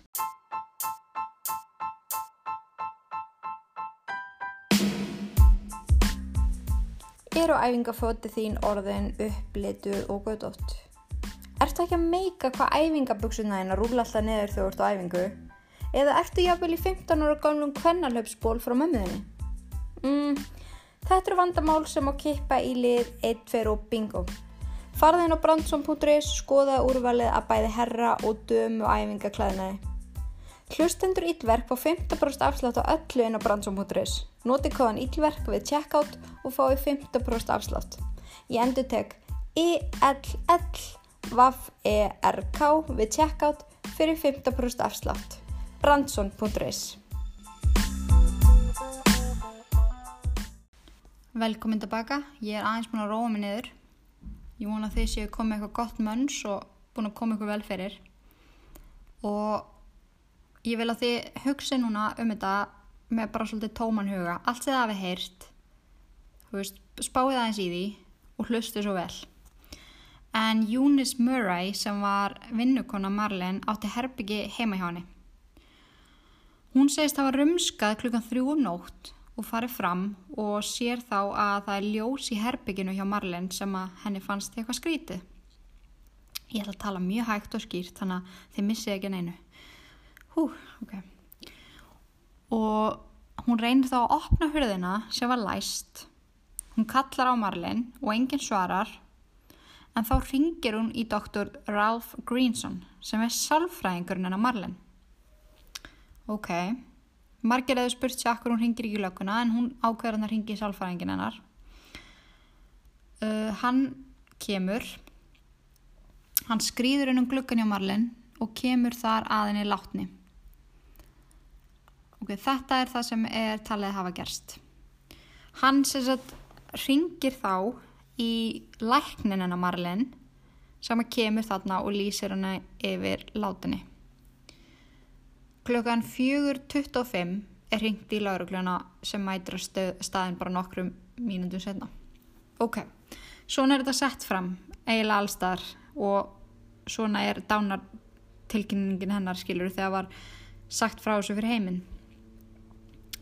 Um, ok, það er talið að hún hafi overdósað af pillum og pillurnar sem voru náttborun hennar voru sveplif og róandi lif og hún var náttúrulega bara kröfin af því að það þurfti að koma staði hvað hefði komið fyrir hann og hvað hefði valdið bananum.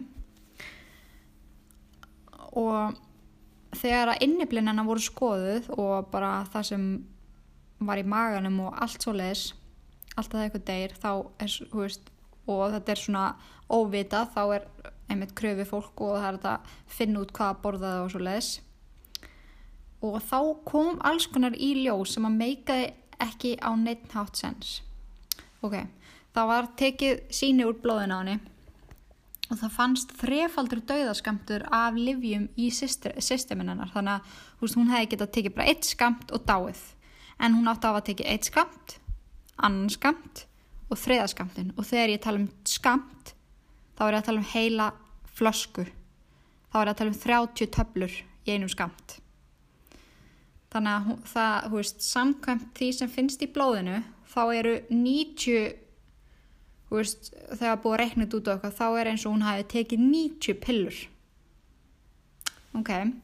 Sem þýðir það að hún á að hafa sporðurend þrem pilluglösum sem að voru á náttborðinu. Það voru þrem, akkurat þrjú pilluglös með sömu sagt, efnum sem, sem að finnast í blóðinunnar og á þessum tíma þá voru pillu hilki eða þú veist það sem er svona hilki og svo duft inn í, veist þetta var svona freka nýtt fyrirbæri og öll hennar lif voru í hilkjum, þetta voru greina nýlega lif sem hún var að notast við. Og allir vita það líka í dag þótt að þessi örgla búið að laga gæðin í svona hilkjum þá þurfa þau að fara hún í maga og leysast upp og það tekur lengri tíma heldur en þau tekur til dæmis íbúfenn sem bara duft þjappað saman, fattiði mig. Þannig að ef þú getur pillu og þú ert svo kröfin nokkru klukkutum síðar eða, hú veist, eitthvað svo leiðis þá mun finnast ykkur treys af pillum í maganum á þér. Um, og hérna og þegar vinir hennar voru spurðir út í þetta allt saman og þeim var tilkynnt hvað er gerst var einn sérstak vinkunarnar sem hétt Pat Newcomb sem var alveg bara what? að því að hún hafi heimsóttana þetta sama kvöld. Hún hafi farið heim um minnætti og klukkan þrjú var Marlin dáin sem gefur okkur ennan þryggja klukkutíma ramma. Og það tekur yfirleitt lif svona 20-30 mínútur að virka á þig þannig að ef hún tók um 80-90 töflur þá er ekki séns að það hafi leist allt upp í maganmáni á svona stuttum tíma. Því að í fyrsta lagi þá hafði hún dáið eftir eitt skamt sem að segja okkur það að meldingin stoppar. Þannig að þú veist það hefði verið hrúa pillum í maganmáni en í krupningunni þá fannst ekki arða af svona hérna pillu hilkjum spáið því. Og þú veist þessar þetta eru bara public upplýsingar sem að allir fengi að sjá. Þú veist það fannst ekkert í maganum en það var ekkert, það var engin matur eins og þú var greinlega ekki búin að borða neitt. Þú veist þetta finnst ekki í þörmun það finnist, finnast engin hilki í maganum. Og veist, þetta finnst mér segja bara meira en þúsund orð.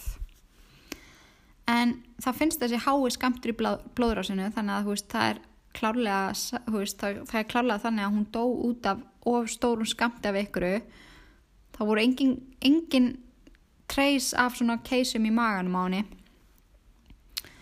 Og sá sem kröði hana sem hétt Thomas Nugici krafðist þess að málið er þið opna aftur því að þetta, það væri bara ekki sjans að þetta hefði gerst eins og fólk var að segja og hann teldi að mun líklega að þetta hefði að ykkur hefði gert en þetta því að það fundust einnig takk ég eftir því það fundust stungusár líka í höndunum á henni svona eins og þegar maður fyrir blóðpröfu hm, og það voru litli marblettir í kring.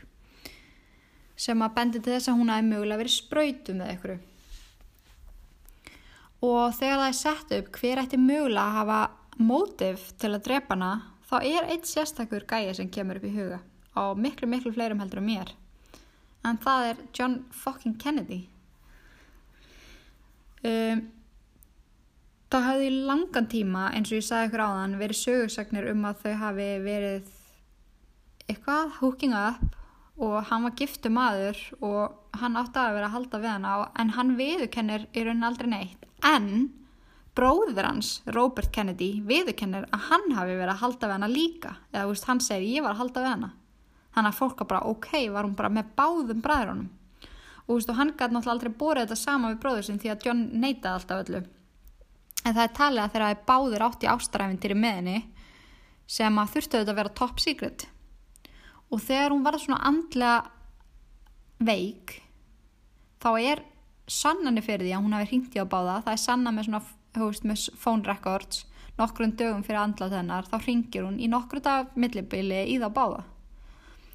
Og veist, ég veldi fyrir mér hrætti að á hversu unstable hún var veist, hóta á þeim einhverju sem að þeir gátt ekki hugsa sér að taka stáfið eitthvað sem geti rústa því veldi sem að þeir voru búin að byggja sér upp.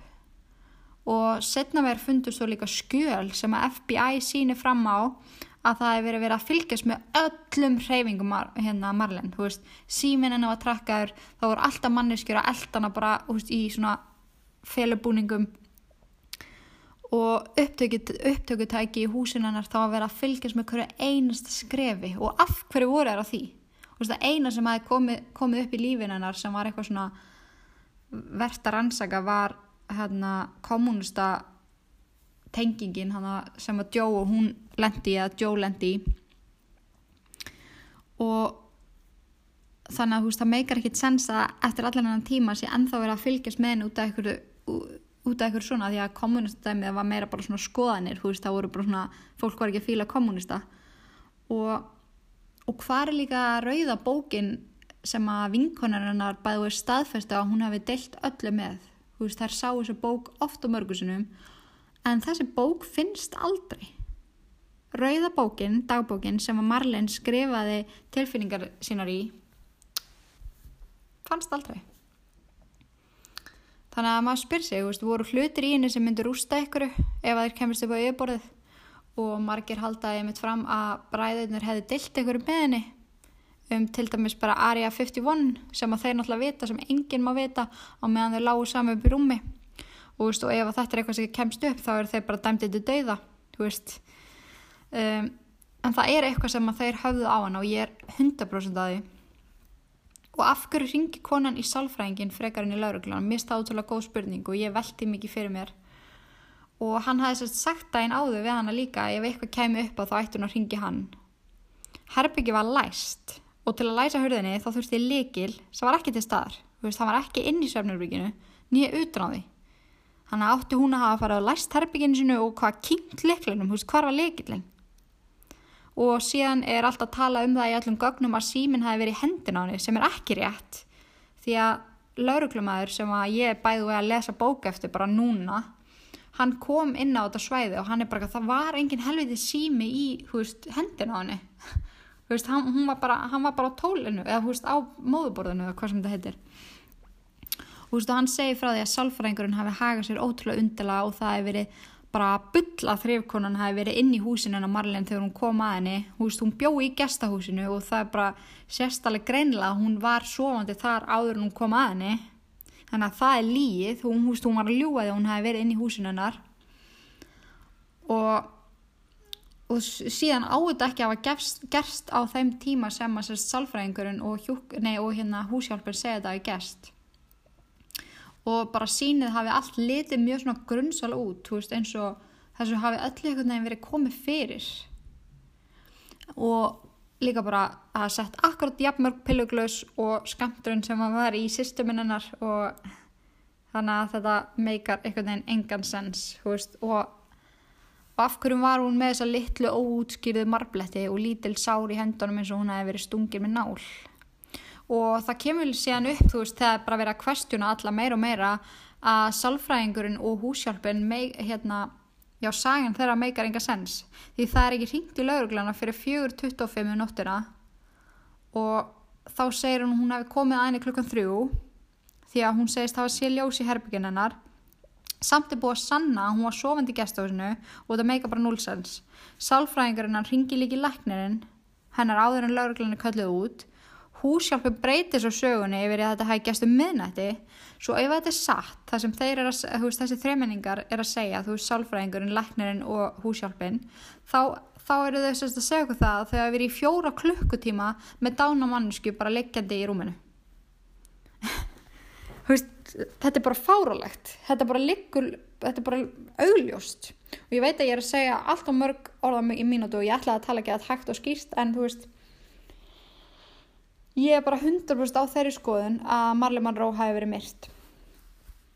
Og svo niðurst að sem að ég komist að eftir að hafa skoðað þetta allt er að Kennedy fjölskyttan greitti lækninum og sálfræðinum fyrir það að komin í fyrir Katanef ég vissum að þeir hafi verið þarna inni, læstan inni og tekið leikilinn og verið þá búin að spröyta hana með einhverjum allt og stórum skamti og komið, og komið hérna flöskunum öllum annan fyrir og farið svo bara það er allavega, það er læknirinn eða salfræðingunum því að þetta meikar engan sens því að engin læknir myndi fara og býða svo í fjóra klukkutíma eftir að ringja laurugluna.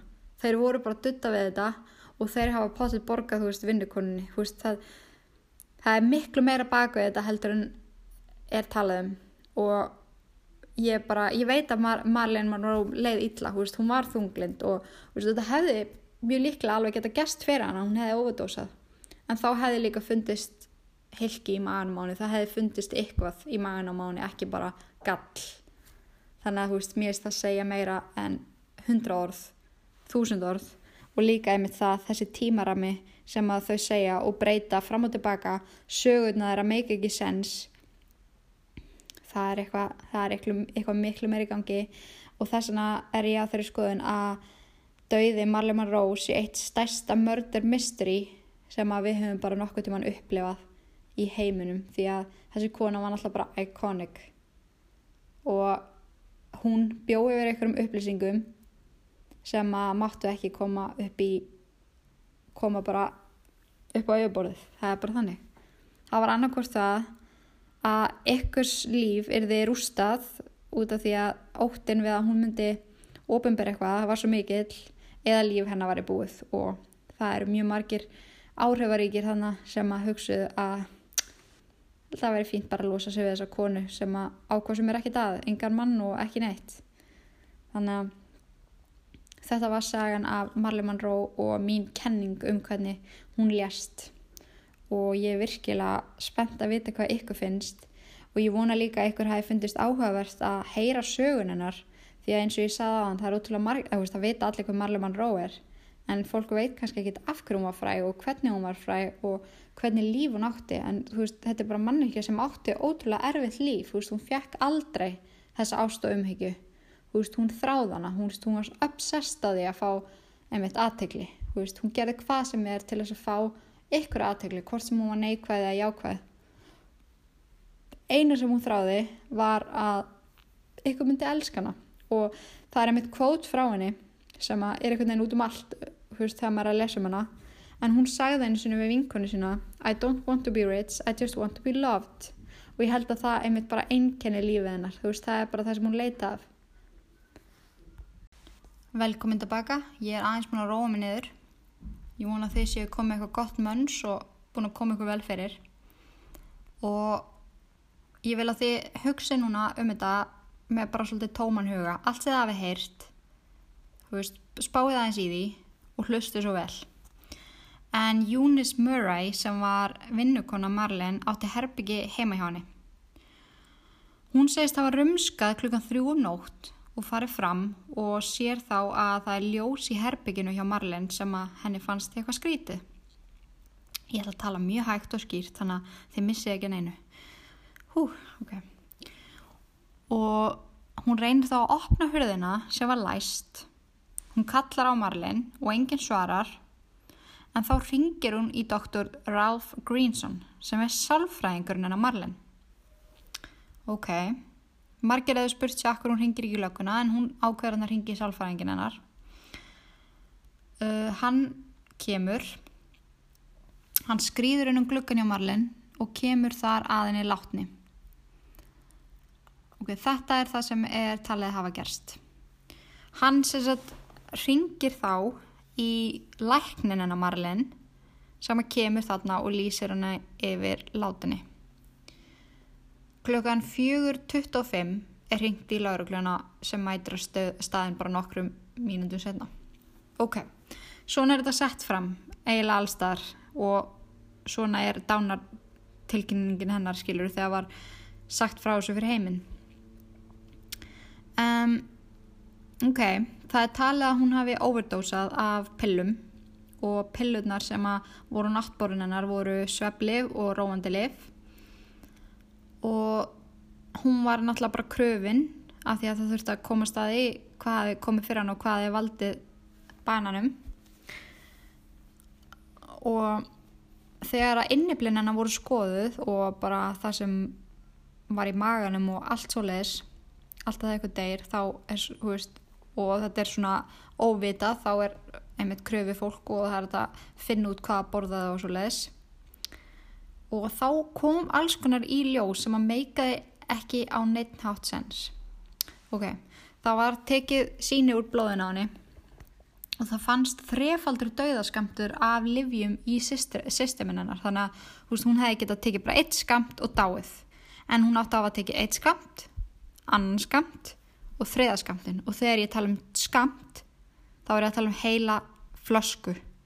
Þá er ég að tala um 30 töflur í einum skamt þannig að það, hú veist, samkvæmt því sem finnst í blóðinu þá eru 90 hú veist, þegar búið að þetta út á eitthvað þá er eins og hún hafi tekið 90 pillur. Ok. Sem þýðir það að hún á að hafa sporðurend þrem pilluglösum sem að voru á náttborunina það voru þrem akkurat þrjú pilluglös með sömu sagt, efnum sem, sem að finnast í blóðinannar og á þessum tíma þá voru pilluhylki að veist, það sem er svona hylki og svo duft inn í veist, þetta var svona frekar nýtt fyrirbæri og öll hennar lif voru í hylkjum, þetta voru greina nýlega lif sem hún var að notast við. Og allir vita það líka í dag þótt að það sé örgulega búið að laga gæðin í svona hilkjum þá þurfa þau að fara hún í maga og leysast upp og það tekur lengri tíma heldur en þau tekur til dæmis íbúfinn sem er bara döft þjappað saman, fattiði mig. Þannig að ef þú getur pillu og þú ert svo kröfin nokkru klukkutum síðar eða, hú veist, eitthvað svo leiðis þá mun finnast ykkur treys af pillum í maganum á þér um, og hérna og þegar vinir hennar voru spurðir út í þetta allt saman og þeim var tilkynnt hvað er gerst var ein sérstök vinkunarnar sem hétt Pat Newcomb sem var alveg bara what? af því að hún hafi heimsótt hana þetta sama kvöld hún hafi farið heim um minnætti og klukkan þrjú var Marlin dáin sem gefur okkur ennan þryggja klukkutíma ramma. Og það tekur yfirleitt lif svona 20-30 mínútur að virka á þig. Þannig að ef hún tókum 80-90 töflur þá er ekki séns að þetta hafi leist allt upp í maganmáni á svona stuttum tíma. Því að í fyrsta lagi þá hefði hún dáið eftir eitt skamt sem að segja okkur það að meldingin stoppar þannig að þú veist það hefði verið hrúa pillum í maganmáni en í krypningunni þá fannst ekki arða af svona hérna pillu heilkjum spáði því. Og þú veist þessar þetta eru bara public upplýsingar sem að allir fengi að sjá. Þú veist það fannst ekkert í maganum en það var ekkert, það var engin matur þú var greinlega ekki búin að borða neitt. Þú veist þetta finnst ekki þörmun það finnist, finnast engin hilki í maganum og veist, þetta finnst mér segja bara meira en þúsund orð. En það finnst þessi hái skamtur í blóðrásinu þannig að veist, það er klárlega veist, það, er klárlega þannig að hún dó út af of stórum skamti af ykkuru það voru engin, engin treys af svona keisum í maganum á henni.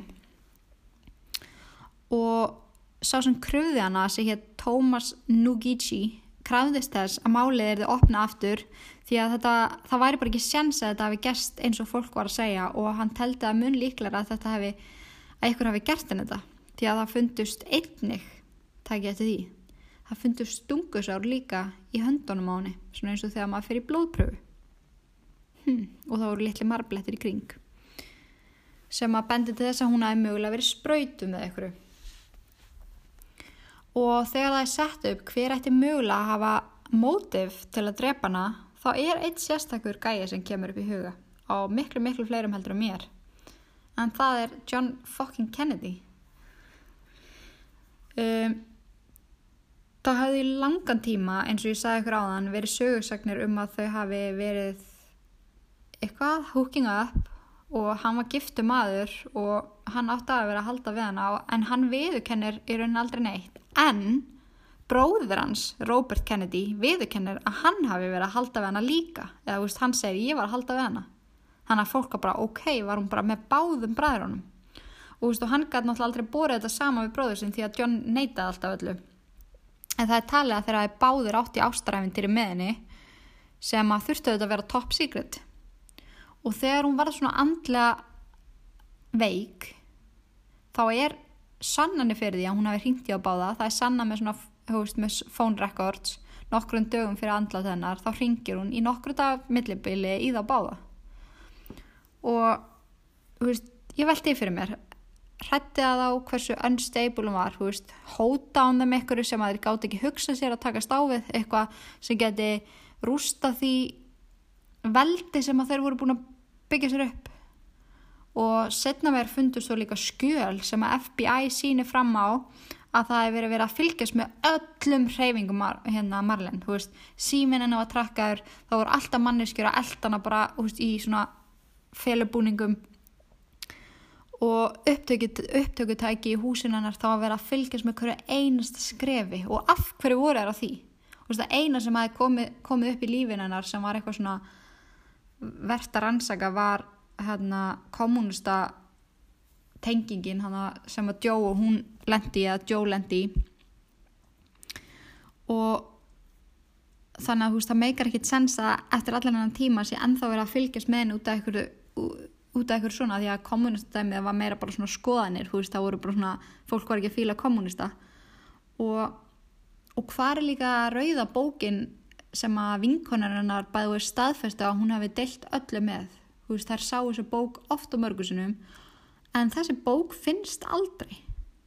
Rauðabókin, dagbókin sem að Marlin skrifaði tilfinningar sínar í fannst aldrei. Þannig að maður spyr sig, veist, voru hlutir í henni sem myndur rústa ykkur ef þeir kemist upp á yfirborðið og margir haldaði mitt fram að bræðurnir hefði dilt ykkur með henni um til dæmis bara Area 51 sem að þeir náttúrulega vita sem enginn má vita á meðan þeir lágu saman upp í rúmi og, veist, og ef þetta er eitthvað sem kemst upp þá er þeir bara dæmdið til dauða um, en það er eitthvað sem þeir höfðu á hann og ég er 100% að því. Og af hverju ringi konan í salfræðingin frekarinn í lauruglan mér stáð útrúlega góð spurning og ég velti mikið fyrir mér. Og hann hafði sagt daginn áður við hann að líka ef eitthvað kemi upp á þá ætti hún að ringi hann. Herbyggi var læst og til að læsa hurðinni þá þurfti líkil sem var ekki til staðar. Það var ekki inn í svefnurbygginu nýja utan á því þannig átti hún að hafa farið á læst herbygginu sinu og hvað kynnt liklinum, hvað var líkilin og síðan er alltaf að tala um það í öllum gögnum að síminn hafi verið hendin á henni sem er ekki rétt. Því að lauruglumæður sem að ég bæði að lesa bók eftir bara núna hann kom inn á þetta svæði og hann er bara það var engin helviti sími í veist, hendin á henni. Veist, hann, hann var bara á tólinu eða veist, á móðuborðinu eða hvað sem þetta heitir og hann segir frá því að salfræðingurinn hafi hagað sér ótrúlega undela og það hefur verið bara bull að þrifkonan hafi verið inn í húsinu en að Marlene þegar hún kom að henni. Húst, hún bjó í gestahúsinu og það er bara sérstalega greinlega hún var sofandi þar áður en hún kom að henni. Þannig að það er líið hún, húst, hún var að ljúa þegar hún hafi verið inn í húsinu hennar. Og, og síðan áður ekki að hafa gerst, gerst á þeim tíma sem að salfræðingurinn og, og hérna, húsjálfur segja þetta að gerst og bara sínið hafi allt litið mjög svona grunnsal út veist, eins og þess að hafi öllu einhvern veginn verið komið fyrir. Og líka bara að sett akkurat jafnmörg pilluglaus og skamturinn sem var í systeminennar og þannig að þetta meikar einhvern veginn engan sens veist, og, af hverjum var hún með þessa litlu óútskýrðu marbletti og lítil sár í hendunum eins og hún hefði verið stungir með nál og það kemur síðan upp þú veist þegar bara verið að kvestjuna alla meira og meira að salfræðingurinn og húsjálfin meik, hérna, já sagan þeirra meikar enga sens. Því það er ekki hringt í lauruglana fyrir 4.25 um nóttina og þá segir hún hún hefði komið aðeins klukkan þrjú því að hún segist var sé ljós í herbyggin hennar. Samt er búið að sanna að hún var sofandi í gestafisinu og það meika bara núlsens salfræðingurinn hann ringi líki læknirinn. Hennar áður en lauruglana kallið út húsjálfi breytir svo sögunni yfir að þetta hafi gæst um miðnætti. Svo ef þetta er satt, það sem þeir eru að veist, þessi þremenningar er að segja þú veist sálfræðingurinn, læknirinn og húsjálfin þá, þá eru þau að segja okkur það að þau hafi verið í fjóra klukkutíma með dána mannsku bara leggjandi í rúminu. Veist, þetta er bara fáralegt þetta er bara liggur þetta er bara augljóst. Og ég veit að ég er að segja allt á mörg orða í mínútu og ég ætlaði að tala ekki að hægt og skýrst en þú veist Ég er bara 100% á þeirri skoðun að Marley Monroe hafi verið myrt og svo niðurst að sem að ég komist að eftir að skoða þetta allt er að Kennedy fjölskyttan greitti lækninum og sálfræðinum fyrir það að komin í fyrir Katanef. Ég vissum að þeir hafi verið þarna inni, læstan inni og tekið leikilinn og verið það búin að spröyta hana með einhverjum allt og stórum skamti og komið og komið hérna flöskunum öllum annan fyrir og farið svo bara. Það er allavega, það er læknirinn eða salfræðingunum því að þetta meikar engan sens því að engin læknir myndi fara og býða svo í fjóra klukkutíma eftir að ringja laurugluna. Þeir voru bara að dutta við þetta og þeir hafa potið borgað þú veist veist það það er miklu meira baka þetta heldur en er talað um. Og ég bara, ég veit að Mar Marlene Monroe leið illa, veist, hún var þunglind og veist, þetta hefði mjög líklega alveg geta gæst fyrir hana, hún hefði overdósað en þá hefði líka fundist hilki í maganum á henni, það hefði fundist eitthvað í maganum á henni, ekki bara gall. Þannig að þú veist, mér er það að segja meira en hundra orð þúsund orð og líka einmitt það þessi tímarami sem að þau segja og breyta fram og tilbaka sögurna þeirra make ekki sens það er eitthvað, það er eitthvað, eitthvað miklu meiri gangi. Og þess vegna er ég á þeirri skoðun að dauði Marley Monroe sé eitt stærsta murder mystery sem að við höfum bara nokkuð tíman upplifað í heiminum. Því að þessi kona var alltaf bara iconic. Og hún bjóði yfir einhverjum upplýsingum sem að máttu ekki koma upp í koma bara upp á auðborðið, það er bara þannig. Það var annarkort það að ykkurs líf er þið rústað út af því að óttin við að hún myndi ofinbæra eitthvað var svo mikill eða líf hennar var í búið. Og það eru mjög margir áhrifaríkir þannig sem að hugsuðu að það veri fínt bara að losa sig við þessa konu sem að ákvað sem er ekki það, engan mann og ekki neitt. Þannig að þetta var sagan af Marley Monroe og mín kenning um hvernig hún lést og ég er virkilega spennt að vita hvað ykkur finnst.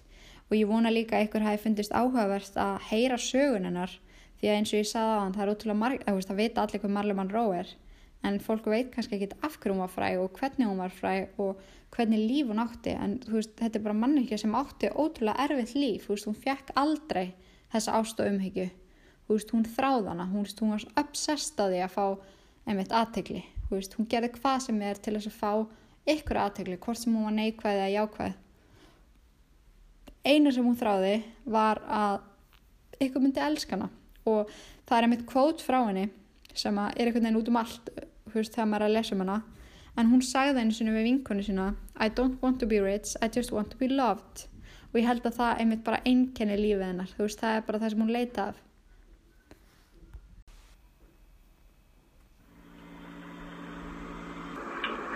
Uh, do I feel happy in life?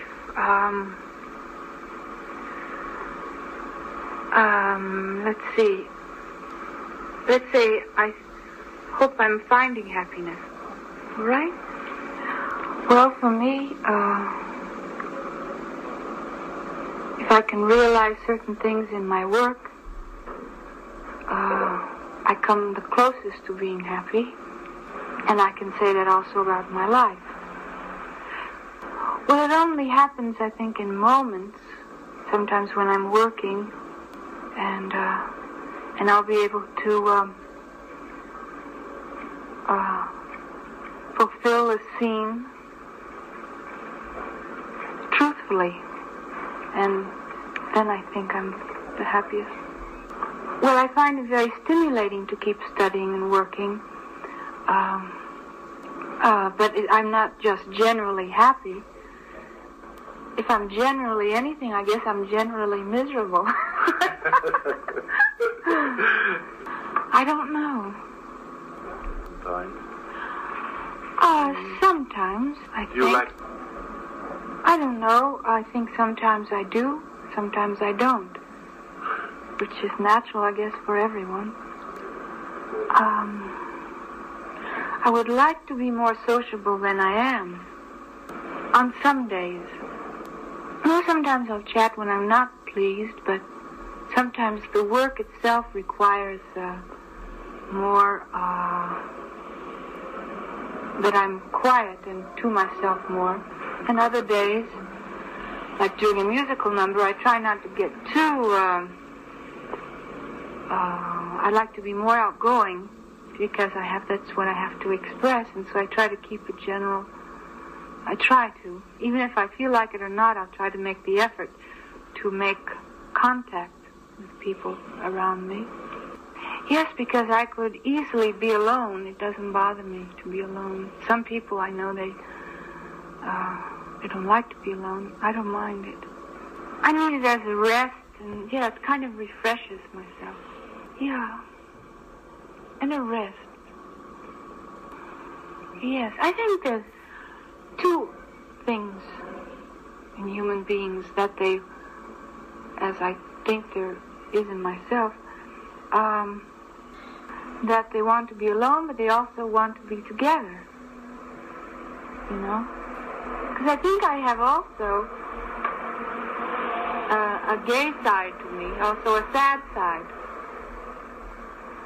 And I think that's the way with people also. But there is something in people where they want, they need solitude for a while. og þetta er ótrúlega sorgleg saga.